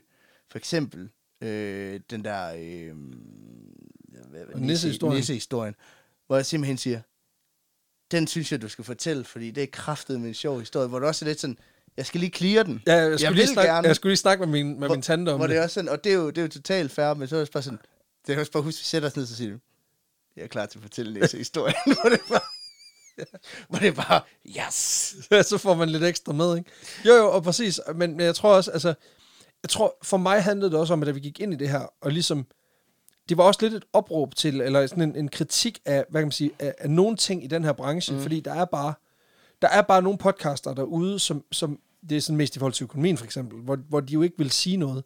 Lyttertal, øh, hvordan hænger det økonomisk sammen, hvem betaler gildet, alle sådan nogle ting, hvor folk er så pisse hemmelighedsfulde. Mm. Og jeg kan ikke med det. Nej. Jeg synes ligesom, at vi har en forpligtelse til ligesom at dele ud og sige, det er det her, vi kan, det er det her, vi gør, og det er sådan her, det virker. Og det kan jeg enormt godt lide. Altså det der med at sige, altså, nu er jeg for første gang fucking selv herre over processen. Så derfor har- vil jeg gerne køre med så meget transparens som overhovedet muligt. Det er jo ikke fordi, jeg synes, jeg udstiller vores personlige, mm. hvad man siger, vores personlige vasketøj eller noget som helst. Fordi, bare roligt, vi skal nok selv sætte grænsen. Øhm, men jeg synes egentlig, vi er ret åbne begge to omkring det. Mm. Øhm, der har været enkelte episoder, hvor øh, når folk har skrevet til os sådan, øhm, hvis jeg gerne vil sælge noget, sende jer noget øl, hvor skal jeg sende det hen? Hvor jeg bare har givet min privatadresse. Hvor jeg godt kan mærke, var det klogt? Ja, Men der har jeg det omvendt også sådan, hvis du gerne vil finde ud af, hvem jeg er, så skal du bare google mit fucking navn. Altså, mm. så kan du finde min adresse. Så det er sådan lidt, det er jo ikke fordi, at jeg lever en eller anden beskyttet tilværelse. Og det er klart, det er jo kun en eller anden psykopat, der skal komme og ringe på min dør, øh, og lave en eller anden, altså lave et eller andet fucked up shit. Så slutter det jo. ja. Men jeg er også bare nødt til at stole på mennesker. Mm. Det er mit princip, ikke? Altså man kan sige, du har jo så to døre imellem dig, fordi man kan ikke bare lige komme ind. Nej, nej. Nu afslører jeg alle sikkerhedsdetaljer omkring dit liv. Men hvis man ringer på ved naboen, så lukker han alle ind. Ja, præcis. Åh, oh, det skulle jeg sagt. He's a slut like that. Mm. Øhm, men, men altså på den måde, så er jeg sådan lidt, jeg er nødt til at tro på det bedste i mennesker. Jeg er nødt til at tro på, at hvis folk de vidderligt finder vores officielle Facebook-side og skriver til os privat, fordi de gerne vil sende os noget, hvis de vidderligt vil os ondt, så er de bare dukket op. Mm. Altså, og det kan godt være, at nu har jeg udleveret morplanen, men igen, hvis du Du flytter lige om lidt. Ja, så præcis. luck. præcis. Øh, men, Til en hemmelig adresse. men jeg har det også lidt sådan, at jeg, jeg tror noget af det, der irriterer mig ved mange andre podcasts, det var, at man godt kunne mærke, at folk tog et persona på. Ja. Øh, og det synes jeg var skide irriterende, fordi det var det der med, at så nogle gange, så kunne man, en ting er, at man gør det i den korte radiovis, hvor du spiller en eller anden karakter. Hvor du vitterligt Eller- tager dame på eller, tøj på. øh, Hvad kan man sige, det, det, radio, eller hvad fanden. Men altså, jeg synes nogle gange, så blev det sådan, hvor man kunne mærke, jamen det der, det er jo ikke, det er jo ikke dig, og du, alt hvad du gør, det er at pege ud af. Altså jeg synes, der hvor humor og underholdning fungerer bedst, det er, hvis man kan pege ind af. Pege til en eller anden egen oplevelse, man har haft. Et eller andet, man selv er usikker på, eller et Præcis. eller andet, hvor man siger, det er ligesom mig, haha. Øhm, det der, jeg klart synes, det fungerer bedst, det jeg ikke kan snuppe, det er, hvis man peger ud af. Og jeg synes så snart, at man har, i hvert fald peger ud af på nogen, der ikke kan gøre for det. Og det synes jeg tit, det bliver, hvis der er facade på. Ja, Fordi så har du ikke noget, du kan ikke pege ind af, du kan ikke bare sige, ja, okay, det er ligesom mit sexliv. Nå, men fordi du spiller en eller anden, der virker til, at der styr på sit... Altså, præcis. øhm, Og det er der bare meget af. Men ja. det er jo også igen, det er jo også fordi, man har en eller anden perception om, at det er vigtigt. Det er jo igen, også når det, det transcenderer jo alle slags medier, så det ene mm. ting er, at det, det sker i podcasts, det sker jo også på Instagram, det sker jo alle mulige steder, og det er jo det, alle folk, der sådan ved noget om det, de kritiserer. Altså det der med netop, være opmærksom på, at du tager en, en fake person på. Mm. Og det gør vi jo også selv i den forstand, at vi redigerer jo også, vi lægger jo ikke bare billeder ud af vores hverdag. Nej, Fordi- nej. Men det er jo lige så meget for ikke at, at belemre folk, altså Det er også fordi, at folk de, øh, følger os for, altså, for indhold. Så må man følge os på, altså, så må man følge mig på min private Instagram. Præcis, der tror jeg, man bliver svært skuffet. Altså, fordi der har det sådan lidt... Jeg, jeg tager jo ikke længere, nærmest ikke længere billeder, som jeg lægger op, for jeg er sådan lidt... Jo, jo, men hvad fanden, altså, hvad fanden rager mine børn jer? Mm. Altså, det har ikke skide godt med, at du ikke må se mine børn. Det har noget at gøre med, at, at du er sgu da ligeglad. Ja, Altså, det, det gider jeg da ikke at, at, at belemre dit feed med. Altså, der er masser af folk, der i forvejen belemrer dig med ligegyldigt lort. Jeg gider ikke at følge med på den. Ja, lige altså. præcis. Men altså, Så. for at svare på spørgsmål, så nej, vi har ikke nogen kontrakt på nogen måde. Altså, Nej. Man har sådan lidt det der tillidsforhold, hvor vi siger, jamen, jeg stoler på, Alexander ikke deler ud af noget, han ikke har lyst til at dele ud af. Ej. Og, og omvendt. Præcis. Og på den note, synes jeg egentlig, vi skal, vi skal lukke den. Øh, det ble, Ja. der, der er masser af ubesvarede spørgsmål endnu, og, og, og sådan vil det jo altid være. Men, men jeg Mm. synes egentlig, vi er nået ind til noget essens og, og vist en, en ny side af os selv øh, i, ja. I den her episode. Så jeg håber, at der er nogen af jer, der, kan, der, der, der synes, det er bare en my interessant. For lige at besvare et spørgsmål fra Sarlo Sal, som havde spurgt, så spørger han, hvad er klokken? Den kan jeg hilse sige, er to minutter i midnat. Det er den. Øh, torsdag aften. Præcis. Så, øh, Og jeg skal lige klippe en, øh, en times episode efter det her, før jeg går i seng. Ja, Men til gengæld skal jeg møde kl. 8.30 i morgen. men det er til gengæld meget typisk for os, at vi sidder og optager på det her tidspunkt. Ja, ja, præcis. På grund af børn og hverdag. Men primært, primært mine børn. Ja, jeg ved ikke, hvem mener. Jeg ved ikke, Ja, er henne. Nej. Hvis jeg har set den, så ring. I kan skrive til videnskabelige udfordrer, snabelaggmail.com. Jeg tror, det er dem, der har taget den. Jeg synes også, at Flemming han fik lidt mange børn lige pludselig. Ja, Nå, kære venner, tusind tak, fordi I har lyttet med. Vi øh, lyttes jo ved igen allerede, ja lige om lidt, på søndag. ja. Så have det lækkert. Moin.